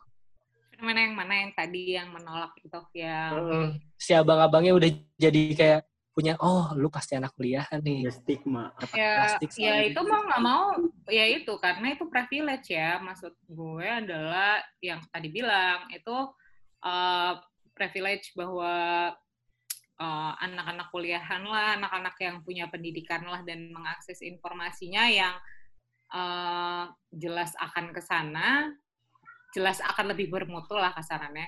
Itu adalah orang-orang yang berpendidikan, yang kuliahan gitu. Sedangkan mungkin anak-anak yang nggak kuliah gitu, mungkin yang uh, apa namanya uh, segmentasinya anak-anak muda yang nggak uh, kuliah gitu ya mungkin ya sangat sedikit bukan berarti nggak ada ya susah ya, banyak ya, susah. kok banyak kok yang banyak kok yang anak yang nggak kuliahan tapi dia progresif gitu ya yang yang dia menerapkan green life menerapkan green lifestyle karena mere- memang tahu tahu maknanya gitu. Nggak cuma anak kuliahan mungkin mak maksudnya uh, juga ada tapi sangat sedikit gitu. Selebihnya mungkin anak-anak muda ini akan nyari informasi yang kayak YouTube YouTube yang games atau atau geng halilintar atau atau Guys, YouTube kembali lagi di channel yang keren. atau atau aku bukan bonekanya KKI atau apa pun yang Hey. udah ngetren. Ketimbang eh, nyari-nyari info yang mungkin akan lebih sedikit berguna seperti isu-isu lingkungan gitu. Dan ya itu stigma yang lumrah sih kalau menurut aku karena memang itu privilege yang didapatkan sama anak yang eh, punya kesadaran dan pendidikan yang lebih kayak anak kuliahan gitu. Tapi bukan berarti sekali lagi ya bukan berarti yang nggak kuliah itu berarti eh, nggak nggak ada sama sekali yang nggak punya pikiran ke sana gitu. Banyak kok anak-anak yang memang dia dia merasa tidak percaya dengan sistem pendidikan formal ya, yang nggak percaya dengan kuliah maksudnya, Oh, yang akhirnya dia orang-orang di Kendeng ya, anak-anak muda di Kendeng.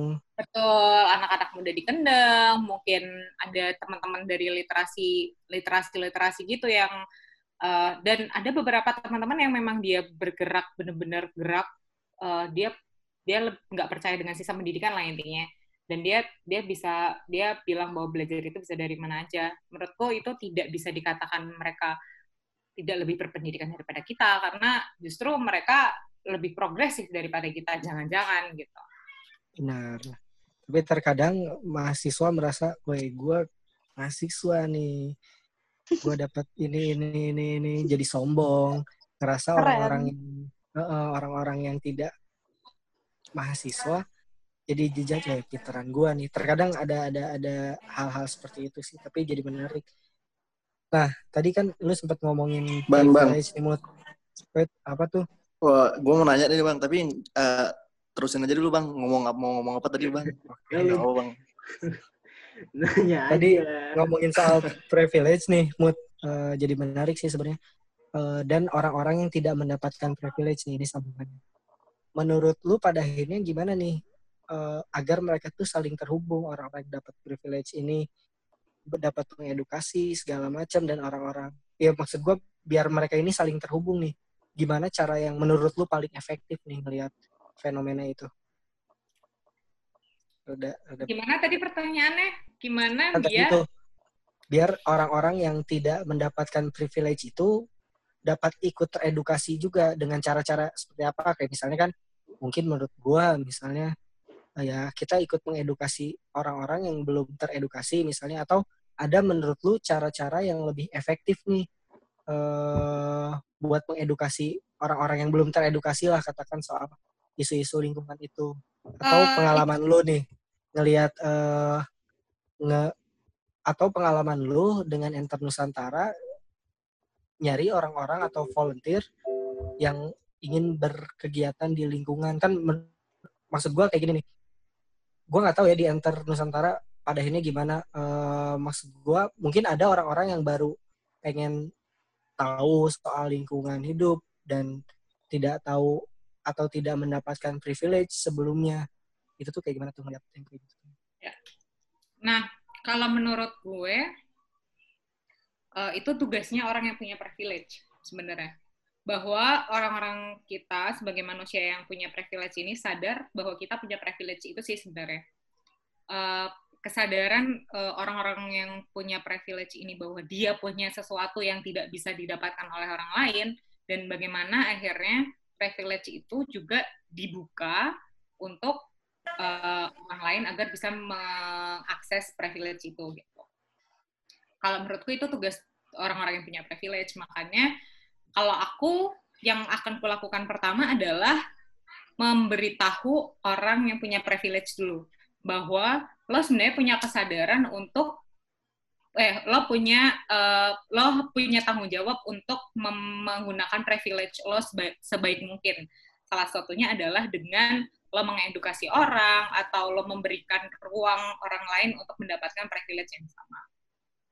Itu menurut gue ya. Jadi yang ak- eh, di enter itu pasti kita eh, kita saring tuh sebenarnya yang dia udah punya awareness dulu sih sebenarnya. Nah, lalu kita dari aware ngasih awareness itu kita sambil ngasih edukasi ke mereka bahwa lo punya lo punya kewajiban juga untuk ngasih awareness ke orang lain gitu. Jadi uh, kalau di enter itu kita apa ya? Gue sih gue sih selalu selalu berprinsip bahwa setiap orang adalah guru ya. Maksudnya setiap orang adalah uh, corong informasi, setiap orang adalah uh, sumber pengetahuan gitu. Jadi uh, ya gue akan bilang bahwa ya lo sekarang udah punya pengetahuan, sekarang bagikan pengetahuan itu ke orang yang nggak punya pengetahuan gitu. Jadi itu bukan cuma tugas enter, tapi tugas orang-orang yang udah terdidik dan ter dan punya privilege kalau yang bahasa lo bilang tadi jam gitu. Oke, okay. kalau misalnya bahasa-bahasa Sunan-Sunan Jawa zaman dulu tercerahkan, mereka yang hmm, tercerahkan. Tercerahkan, benar. benar. Dan ya orang-orang yang tercerahkan ini gimana caranya dia bisa mencerahkan yang lain gitu. Benar. Berarti uh, secara tidak langsung gue memikirkan gue, wah kayaknya gue bisa nih menjadi wali songo wali songo ala alaan mencerahkan teman-teman lainnya. Oh iya, setiap orang bisa lah kayak gitu. Nah, jadi ber, ketika berdakwah itu dalam tanda kutip kita bisa berdakwah soal isu-isu lingkungan ya karena ya, pada akhirnya lingkungan pun menuju ke kebaikan kesadaran soal lingkungan tadi soal bagaimana bumi ini sebenarnya sedang tidak baik-baik saja kayak kayak gitu ya mungkin ya atau gimana mau tadi lo mau bilang apa? Enggak, gue iya iya oh, gitu. Iya. bilang apa? Iya. Itu si Pandu mau nanya gara-gara lo dia nggak dikasih kesempatan nanya dia kabur tuh. Bukan anjir, nggak gitu cara nggak gitu cara mainnya. Senior, senior macam apa yang tidak memberikan Wah gila gila gila gila gila gila. Gila, aku di roasting. Aku di roasting sama direktur. Aku di roasting sama direktur. Parah lu okay, senioritas tuh. Enggak, tanya nih anak-anak uh, angkatan. Jadi L ini sama Putra angkatan 2018, terus Bella ini angkatan 2019. Tidak pernah ada senioritas di antara gua dan teman-teman. Gua mah baik banget tahu, Mut. Beneran ini mah. Ya nggak adik-adik. Kalau misalnya bilang nggak awas ya, itu nggak boleh masuk sekre.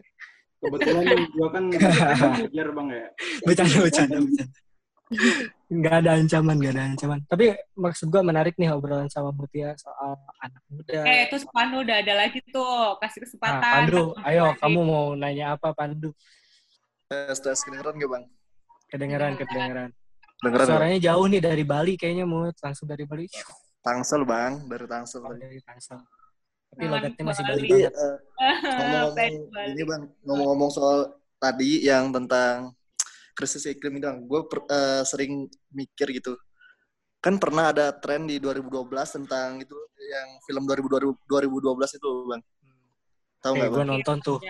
Ah nonton kan? Baris paling nah, depan. menurut takut kiamat. menurut gue kalau ya baris paling depan. Menurut gue kalau orang-orang ngomongin krisis iklim tuh mereka tuh kayak takut gitu nggak sih tentang wah soalnya kita tuh sebenarnya nggak ada solusi buat misalnya aja nih tentang sampah TPA yang udah tumpuk tuh. Solusinya dari pemerintah kan cuma mindahin TPA biasa nggak ada solusi pasti buat kayak musnahin semua sampah gitu karena mereka nggak mungkin bakar kan. Kalau daur ulang masih lama gitu. Indonesia masih lama banget ini apa teknologinya dibandingkan negara-negara lain. Dan kalau soal alokasi dana ke lingkungan itu kayaknya masih kalah dengan yang militer deh.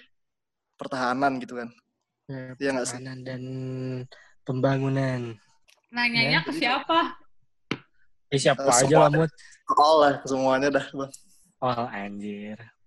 Lu dulu deh, Mut. Gimana, Mut? Gue dulu. I iyalah, lu dulu lah. Gue mah kan di sini junior. Kan ini bahwa, senioritas. Bahwa, bahwa apa? Uh, jadi pertanyaannya kan kayak ada stereotip sama kayak nggak ada solusi yang pasti gitu loh. Karena gua pemikiran... Gak mau, ya, gue gak mau nakut-nakutin, tapi emang itu kenyataannya gitu. Gue rasa dengan sikap pemerintah yang sekarang, sikap pemimpin dunia yang sekarang, krisis iklim tuh kayak tinggal tinggal kita liatin aja. bahkan ini serius ya gue pribadi sampai gue bilang gue walaupun siap misalkan gue kepentoknya nikah gitu ya gue nggak akan punya anak kayaknya. Nggak akan punya anak dulu sebelum memastikan bahwa yang gue anak gue mendapatkan dunia yang layak. Karena ya gue melihat situasi seperti ini ya gue nggak mau ngebikin anak gue menderita gitu ketika gue punya anak misalkan. Ini ini ini gue karena gue apatis ya. Sorry tuh saya nih kalau kalau teman-teman di sini ada yang uh, ada berencana pengen punya anak kembar atau pengen punya kesebelasan gitu mohon maaf ya. Uh, betah kuliahinnya mahal. Di UP aja kuliah satu semester 12 juta. Nah TK TK aja tuh mahal banget kan. Ya Nah, itu bisa tidak terjadi loh, Zam, karena udah iya, keburu krisis iklim. Uh, gue seapatis itu gitu. Gue seapatis bahwa ngelihat ngelihat pemimpin dunia kayak gini, ngelihat tadi kalau kata Pandu pemerintah nggak punya solusi, solusi iya emang mereka nggak punya solusi gitu. Mereka tuh sekarang solusinya adalah beberapa orang-orang kaya ini sih konspirasi ya, cuman gue sih percaya gitu. Bahkan udah menyiap mereka tahu bahwa akan ada akhir dunia, bahwa 10 tahun lagi ini akan itu dan mereka udah menyiapkan tempat sebaik-baiknya tempat. Mereka tuh lebih prefer untuk menyiapkan diri ke dalam krisis iklim itu bukan mengatasi, ngerti nggak sih maksud gue? Jadi alih-alih mereka mereka uh, memikirkan bagaimana cara untuk agar tidak krisis iklim gitu ya. Mereka prefer ya udahlah uh, kita ngebangun bunker kayak atau ngebangun apa biar biar mereka selamat gitu. Kayak film apa ya yang kayak gitu? Gue lupa. Kayak ini aja eh, sih eh, film 2000, kemarin. Film 2012 juga kan, ya, akhirnya 2012. kan oh, sekelompok tertentu doang yang akhirnya berhasil hidup dari krisis ya, iklim. Kalau misalnya Dan, ini aja, sorry gue potong. Iya kalau misalnya tadi lu sempat sentuh soalnya gue suka lupa yang soal orang-orang yang teori konspirasi kayak gitu ya. Ya lihat aja ah. deh beberapa minggu kemarin lu kalau sempat ngikutin NASA pada akhirnya pertama kali dari swasta bisa ke internasional space ISS ya. Ya ke ISS itu tuh kan sama perusahaannya Elon Musk kan. Elon ya. Musk. Siapa? Ya itu tuh kan udah ya, jadi kayak anjir itu tuh semakin real aja gitu. Menarik sih, menarik. Oh, silakan dilanjut, Mut. Gue suka lupa. Enggak, enggak, udah, gue doang. Gue yeah. itu pendapat gue karena gue tipikal yang apatis ya, Pandu. Maksudnya gue nggak tahu kalau teman-teman yang lain masih punya harapan gitu ya.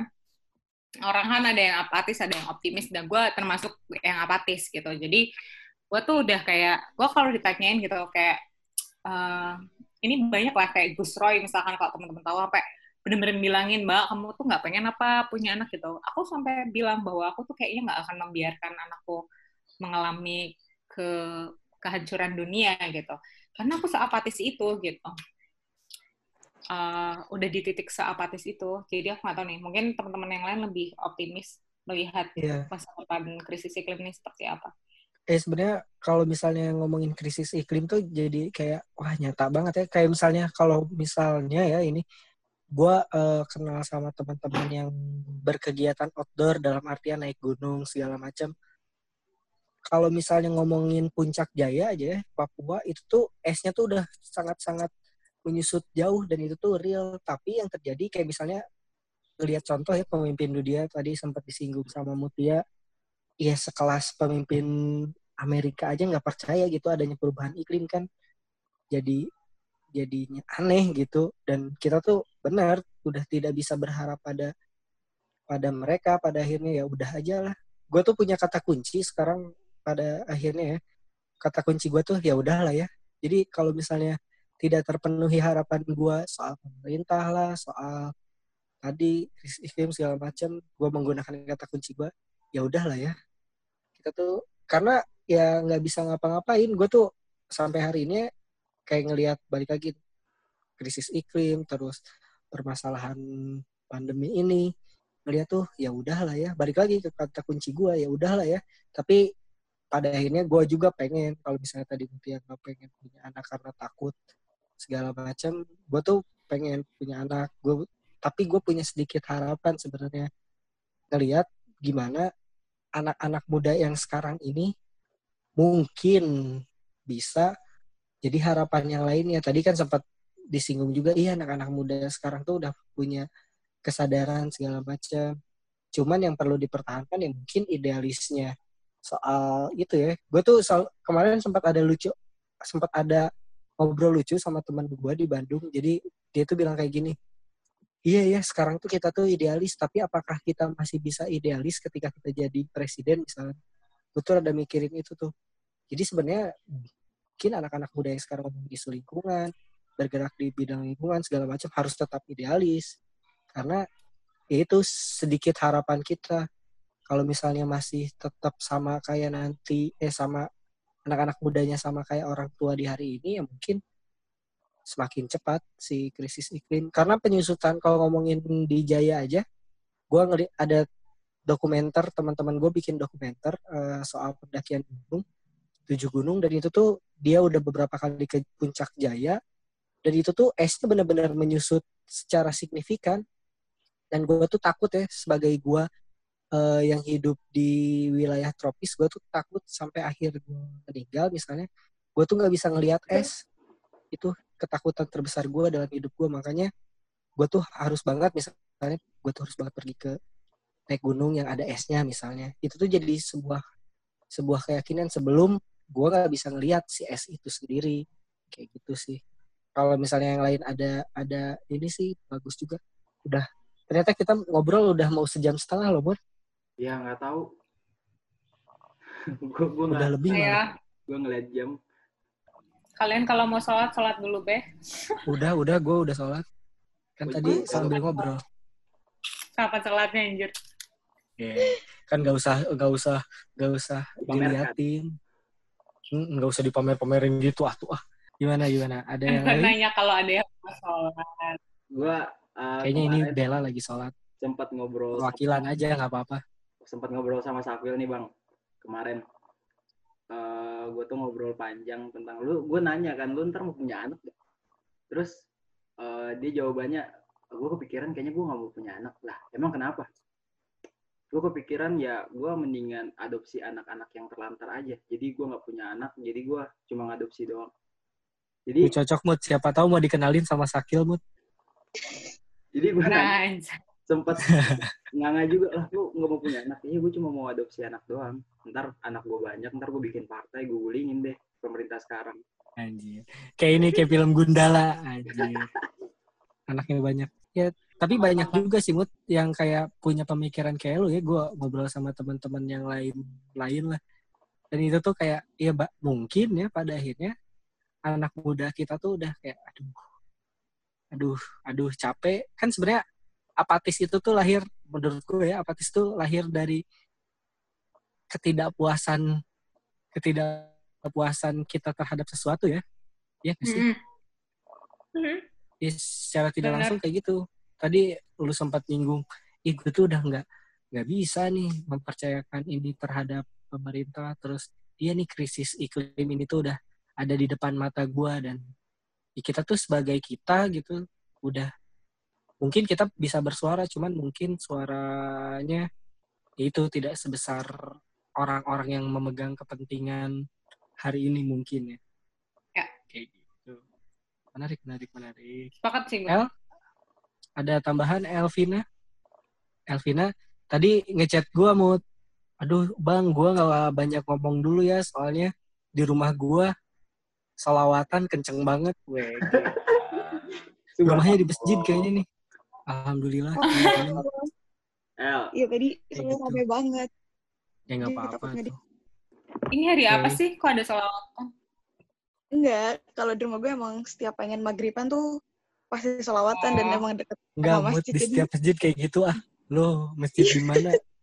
Gila kali. Oh, kayak gitu. Iya. Iya, rumah lu jauh dari masjid berarti. Enggak, anjir. Dipepet dua masjid malah. Tapi tadi azan gak kedengeran. Karena gue di kamar. Oh iya, sebenarnya gue sempat nih soal ngomongin krisis iklim. Kan lu sekarang lagi di Pekalongan tuh terkait Ya.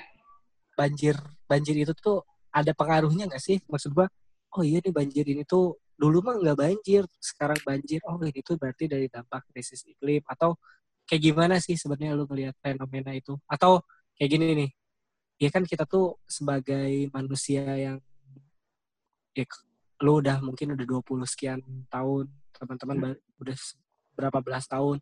Oh ini tuh nggak kejadian loh di di yang lalu-lalu. Kok sekarang kejadian misalnya jadi kemarau panjang segala macam terus banjir di mana-mana musim tidak menentu. Itu lu ngeliat itu tuh kayak gimana tuh Eh, ini kasus Pekalongan apa apa Pekalongan aja deh yang dekat sama lu. Oke, yang lu banget. eh kalau gue banget. Jadi karena gue ting gue eh, gue ini bokap gue kebetulan adalah oh, kerjanya itu di eh, KKP Kementerian Kelautan dan Perikanan di mana kerjanya itu di pelabuhan. Jadi gue hampir dulu tiap hari itu pasti ke arah laut dan gue mengalami maksudnya merasakan bagaimana perubahan itu dari tahun ke tahun. Dan yang paling parah adalah tahun 2020 ini. Tapi memang itu tidak terjadi hanya di Pekalongan. Itu terjadi di eh, banyak pesisir utara. Karena tingkat, eh, kalau teman-teman mungkin tahu, emang eh, lagi eh, blood moon tuh loh. Jadi matahari, eh matahari, bulannya tuh emang lagi dekat dengan posisi mat- posisi bulan lagi dekat-dekatnya sama uh, bumi. Jadi uh, itu berpengaruh terhadap kenaikan uh, air laut gitu, terhadap ombak juga. Makanya yang banjirop nggak cuma Pekalongan, tapi kenapa ini perparah Pekalongan walaupun nggak bulan-bulan ini gitu ya. Bahkan hari ini sore ini aku barusan dapat kiriman dari teman-teman yang ada di lapangan gitu, uh, airnya udah mulai naik lagi gitu. Walaupun nggak separah yang yang dua seminggu kemarin gitu kalau di Pekalongan ini selain karena itu uh, kita harus uh, iklim kayak yang tadi Zamzam bilang soal uh, pola cuaca yang tidak menentu, pola badai yang nggak jelas dan uh, apa namanya kenaikan air laut yang semakin secara global kan emang udah naik 3 sampai 5 cm per tahun kan. Kenaikan air laut selain itu di kalau di Pekalongan itu diperparah dengan uh, penurunan permukaan tanah yaitu penurunan permukaan tanahnya itu 30-an, sekitar 34. 34 per tahun. Uh, jadi teman-teman bisa bayangin aja, tan airnya semakin naik, tanahnya semakin turun. Jadi mau nggak mau dia akan banjir terus-menerus dan diperparah dengan uh, pemerintah kotanya itu nggak tahu mau ngapain gitu. Itu yang lebih parah sih. Uh, kita tuh nggak punya planning apa-apa dan menyerahkan kepada tingkat provinsi dan nasional gitu. Yang akhirnya cuma dibikin tanggul, normalisasi sungai, pompa air standar lah. Tapi nggak menata kotanya dengan baik. Penataan kota itu harusnya ada di tangan Pemkot gitu. Ini yang sedang aku sendiri upayakan sih selama di rumah aja ini adalah me, me, me, me, me apa ya bahasanya me, mengedukasi dan karena apa ya tipikal daerah daerah apalagi pekalongan pekalongan itu kayak kotanya tuh kayak aman-aman aja gitu loh rasanya maksudnya aman dalam artian warganya tuh nggak pernah protes ke pemerintahnya tipikal Jawa yang nerimo gitu yang kayak ya udahlah gitu ya udahlah urusan pemerintah mereka percaya aja gitu. Jadi mereka itu nggak tahu bahwa itu adalah bagian dari hak mereka gitu. Da, itu sih yang parahnya gitu. Dan ya kalau ngomongin perubahan iklim gitu aku ngomongin soal itu akibat krisis iklim gitu. Aku nggak bisa ngomongin itu di sini karena pengetahuan terkait dengan krisis iklim ini masih rendah banget gitu. Tapi aku bisa mengedukasi pemkotnya dengan menata uh, parahnya gitu ya dari tahun ke tahun. Bahkan sekarang walaupun udah ada tanggul masih jadi deras air ngalir gitu loh. Dan itu air laut. Dan air laut itu lebih parah karena dia korosif kan. Dan dia ngerusak barang gitu. Dan itu yang terjadi di Pekalongan gitu benar-benar airnya itu udah air ngalir, dia airnya air laut, air uh, asin yang korosif, dan itu ngerusak barang-barang. Jadi tingkat kerugiannya yang kemarin itu, bahkan pemerintah sendiri tuh nggak mau menginventarisasi kayak, berapa ya tingkat kerugiannya, berapa ya masyarakat yang terdampak. Nggak ada. Nggak ada, sama sekali nggak ada. Bener-bener yang aja. Kayak, ya itulah, yang perubahan iklim ini masih sosok yang kayak nomor sekian lah untuk dibahas di kota-kota kecil kayak di Pekalongan ini. Gitu. Edukasinya ya, kurang. Tapi kalau misalnya uh, gue boleh saran buat Mutia, kayaknya Mut, lu udah harus nyari plan B, nyari rumah yang rada aman. ya tadi gue ngedengerin cerita lu, anjir cukup banyak juga permasalahan di Pekalongan ya. Gue gak Ya. nyangka sebesar itu. Maksud gue ketika gue, eh ya kita kalau misalnya ke Batang, gue selalu lewat Pekalongan. Gue tuh merasa Pekalongan tuh baik-baik saja loh. Jujur. Kayak semua Ya, orang juga kayak- akan ngomong pekalongan baik-baik aja. Iya. Orang-orang kayak mikir, apalagi ya kalau misalnya trek gua kan kayak dari stasiun terus ke Pantura ya udah lewat-lewat itu aja dan gua ngerasa oh ya udah Pekalongan Batang ya udahlah jadi menarik tuh Mm, jadi nggak nggak ngelihat gue tuh nggak ngerasa Pekalongan tuh dengan berbagai macam permasalahan ya. Kayak misalnya eh, gua nggak tahu ya kalau misalnya perbandingan Pekalongan dan misalnya kayak Bandung aja ya. Ketika Bandung kan oh iya Bandung tuh udah penataan kotanya nggak jelas terus penggusuran di mana-mana dan itu tuh jadi rada keangkat tuh isunya. Dalam artian kemarin kalau misalnya teman-teman sempat dengar ada Taman Sari misalnya dan jadi cukup rada gede gitu. Pekalongan tuh justru lebih parah masalahnya tapi Ya. nggak terekspos nggak punya porsi ya di media sosial lah Ya. di berita atau apa pun itulah dan itu jadi Kemarin kalau berita tuh sempat naik banget ya soal banjir ini. Sempat Benar. bener-bener kayak bener-bener semua orang expose bahwa karena paling parah memang bahkan paling parah di dun paling maksudnya banjir paling parah di Indonesia untuk untuk kasus trop itu di Pekalongan sampai detik ini. Makanya duit duit APBN itu larinya ke Pekalongan untuk soal krisis iklim. Banyak banget duitnya gede coy 460 miliar untuk bangun tanggul doang. Yang akhirnya gue beli dipakai beli Indomie goreng gue bisa mandi itu. Gak habis habis pakai Indomie 400 miliar. Traktir ini sedunia anjir. Buat tapi iya gue jadi mikir ya sebenarnya tuh banyak pada akhirnya kota-kota kecil yang justru permasalahannya gue maaf nih mut bukannya gue bilang Pekalongan kota kecil. Hehehe ntar baper lagi. Tapi maksud gue Ya, gua tahu itu. ya maksud gue eh, banyak kota-kota kecil yang pada akhirnya tuh mempunyai permasalahan yang cukup eh, urgent tapi eh, tidak dapat perhatian yang lebih ya ngelihat kasus Pekalongan padahal sebenarnya Pekalongan seharusnya dapat akses yang cukup baik. Ya udah kota lah Pekalongan. Apalagi eh, daerah-daerah kecil lain yang tidak sekota Pekalongan loh dengan permasalahan yang besar. Jadi rada takut juga gue dengan hal-hal itu tuh. Menarik. Itu sih yang lagi aku usahakan sampai sekarang. ya semoga apa ya? Kalau ya kalau misalnya Al pikir gitu ya dari ceritanya kamu Tia banyak emang benar kata Bang Samsam juga eh permasalahan yang, yang ada di daerah-daerah gitu cuma karena nggak keangkat di media massa jadinya seakan-akan tuh nggak ada ya udah karena seakan-akan itu nggak ada makanya ya udah kayak oke kita aman gitu loh padahal sebenarnya bahaya tuh udah ngancem kita banget gitu ya ini luar biasa sih kalau Al. misalnya bahasa mata kuliah gua kemarin terhegemoni anjir oleh media. Ya, kita tuh Apa, merasa baik-baik saja. Kita tuh merasa baik-baik saja padahal sebenarnya kita tuh sedang tidak baik-baik saja. Da, Ya, iya, maksud gue dari dari berbagai macam isu ya ketika kita ngomongin eh, isu krisis iklim gitu ya kita tuh merasa mentolerir dengan gue tuh bisa bilang orang-orang tuh nggak ngeh gitu ya soal masalah musim kemarau. Kemarin ya kalau nggak salah musim kemarau kemarau yang panjang banget gitu ya. Itu tuh kan gila gitu kan hujan sekalinya. Lu mikir gak sih eh, nggak ketemu hujan terus sekalinya hujan langsung banjir di tahun baru. Gila itu tuh hujan semalam doang. Hmm. itu kan menurut gua tuh ah gila itu.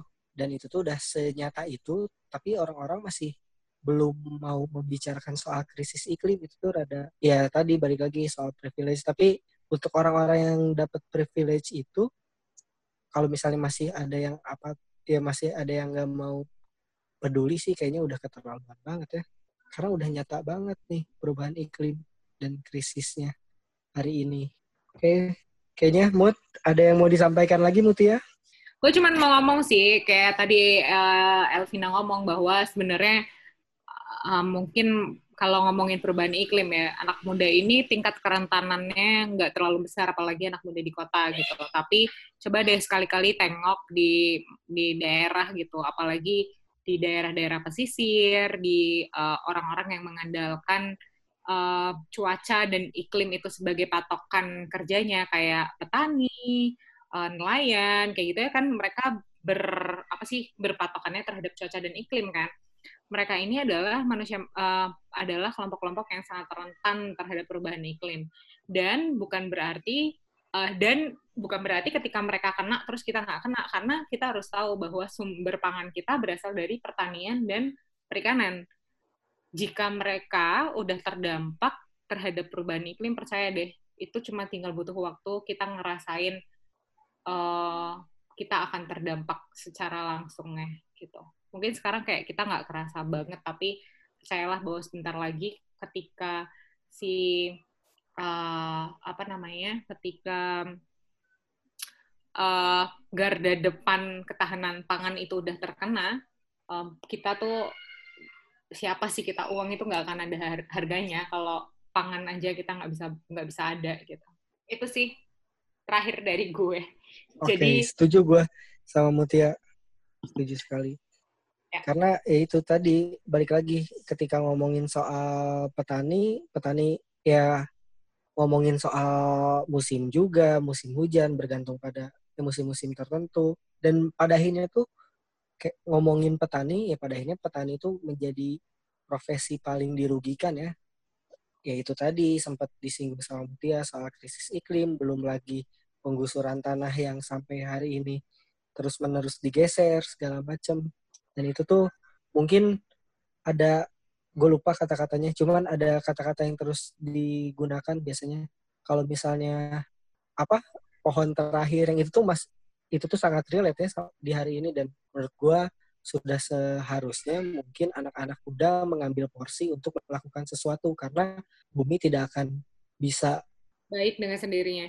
Nah, tuh ditutup langsung tuh sama Mutia. Ada yang mau namain lagi sebelum ditutup? Anjir udah dua jam loh. Udah mau dua jam nih. Kuliah bang. Gila. Makin lama makin berbobot ini pembicaraan. Ngeri, ngeri. Iya. Soalnya ini pembicaranya berbobot nih. Gila. Apaan lagi? Iya. Terima kasih juga gue sebenarnya. Ulang-ulang. Enggak, justru kita yang berterima kasih lu mau mampir di di ngobrol-ngobrol ya ngalor ngidul ya kita ngomongin soal apa aja tadi banyak banget tuh dari yang ketawa-ketawa sampai yang ya ini rada serius nih di akhir-akhir gue rada-rada takut. Jadi kayak anak Twitter nih gue mau tidur overthinking. Anjay. tapi benar maksud gue jadi kita punya ketakutan tersendiri kita udah tahu ketakutan itu apa. Kalau tadi kata Mutia ya ini tuh udah nyata banget. Ya gue juga balik lagi lah ke kata kunci mungkin ya udah lah ya. Tapi ya, ya. mungkin kita bisa bisa bisa menunda itu jadi semakin lama dengan cara yang mungkin kita mengambil porsinya sebagai anak muda punya privilege untuk mengedukasi teman-teman yang mungkin belum teredukasi soal isu lingkungan itu sendiri. Ada yang mau nambahin? Kalau tidak ada, kita tutup. Mutia, terima kasih sudah mampir. Kalau misalnya gua undang diskusi langsung di kampus, lu harus datang ya. Kita todong. Kita sistemnya main todong. Mutia datang ke kampus, kita mau diskusi nanti bakalan ada todongan seperti itu kalau misalnya pandemi ini berakhir. Kita ngobrol-ngobrol langsung. Terima kasih banyak Mutia selaku direktur eksekutif direktur ya, Nusantara. Mut, kalau misalnya ada yang mau follow Instagramnya, platform Enter ada apa aja, Mut? Uh, di Instagramnya Enter at Enter Nusantara itu lagi banyak giveaway soal hmm. solar panel. Jadi kalau misalkan teman-teman mau follow, siapa tahu bisa ikutan otak atik asik namanya. Jadi kayak pelatihan di rumah. Jadi nanti teman-teman dapat sepaket uh, alat solar panel gitu untuk belajar sih seben sebenarnya gimana cara solar panel itu bekerja gitu-gitu. Ada ada selain selain itu ada beberapa memes yang lucu-lucu dan edukasi-edukasi tentunya di sana. Jadi ada follow di Instagramnya ada at ada di YouTube Enter Nusantara, Enter Spasi Nusantara. Uh, di YouTube itu banyak diskusi-diskusi juga yang udah uh, pernah dilakukan dan itu nggak cuma berkutat masalah lingkungan, benar-benar kayak masalah kepemudaan, bahkan masalah kayak hidup, masalah life gitu, juga ada di YouTube-nya. Uh, dan ada juga uh, podcastnya. Aku lupa podcastnya apa. Nanti aku akan tanya deh ke Nadia. Tapi kayaknya masih belum ada di Spotify, baru ada di Anchor. Di Anchor, di Anchor. Oke, Uh, siap. kayaknya itu sih. Apalagi? Uh, dan Twitter paling. Enter Oke, Twitternya? Nusantara. Oke, Twitternya yang receh-receh lah ya pasti kalau misalnya dunia pertwitteran. Iya. Uh, Twitter, Instagram nggak terlalu ribet kok. Eh, maksudnya nggak terlalu berat-berat banget Iya. kok. Anak Iya. muda banget lah ya, kan energi terbarukan Nusantara, frame-nya anak muda banget nih. Yoi. Direkturnya aja masih muda, lulusan 2011 tuh. Anak SMA, ya. Lu bisa membayangkan lah ya, Nusantara itu semudah apa. Eh, terima kasih buat Elvina, selaku yang nanya-nanya, terus Putra yang ngomongin teknis, terus ada ada Bella, angkatan baru 2019 yang udah nanya nanya sama Mutia, terus ada Pandu yang logatnya sangat Bali sekali. Terima kasih untuk semuanya. Sampai berjumpa litan Dan lagi ada di diskusi Pembuan. apa? Jangan lupa Apa? ada Fursan Pembuan. Tadi. Oh iya, ada Fursan yang nongol cuman memantau aja. Kayaknya gua rasa Fursan itu adalah cepu untuk wah ini diskusi, diskusi apa apakah ini diskusi makar. Wah, bahaya. Kamu jangan macam-macam. Nanti saya serang menggunakan buzzer. Hati-hati. Ya, terima kasih banyak ya teman-teman. Terima kasih atas- banyak. Ya, terima kasih kak. Mutia, terima kasih. Kamu Tia. Nanti kita ngobrol-ngobrol lagi. Wassalamualaikum warahmatullahi wabarakatuh.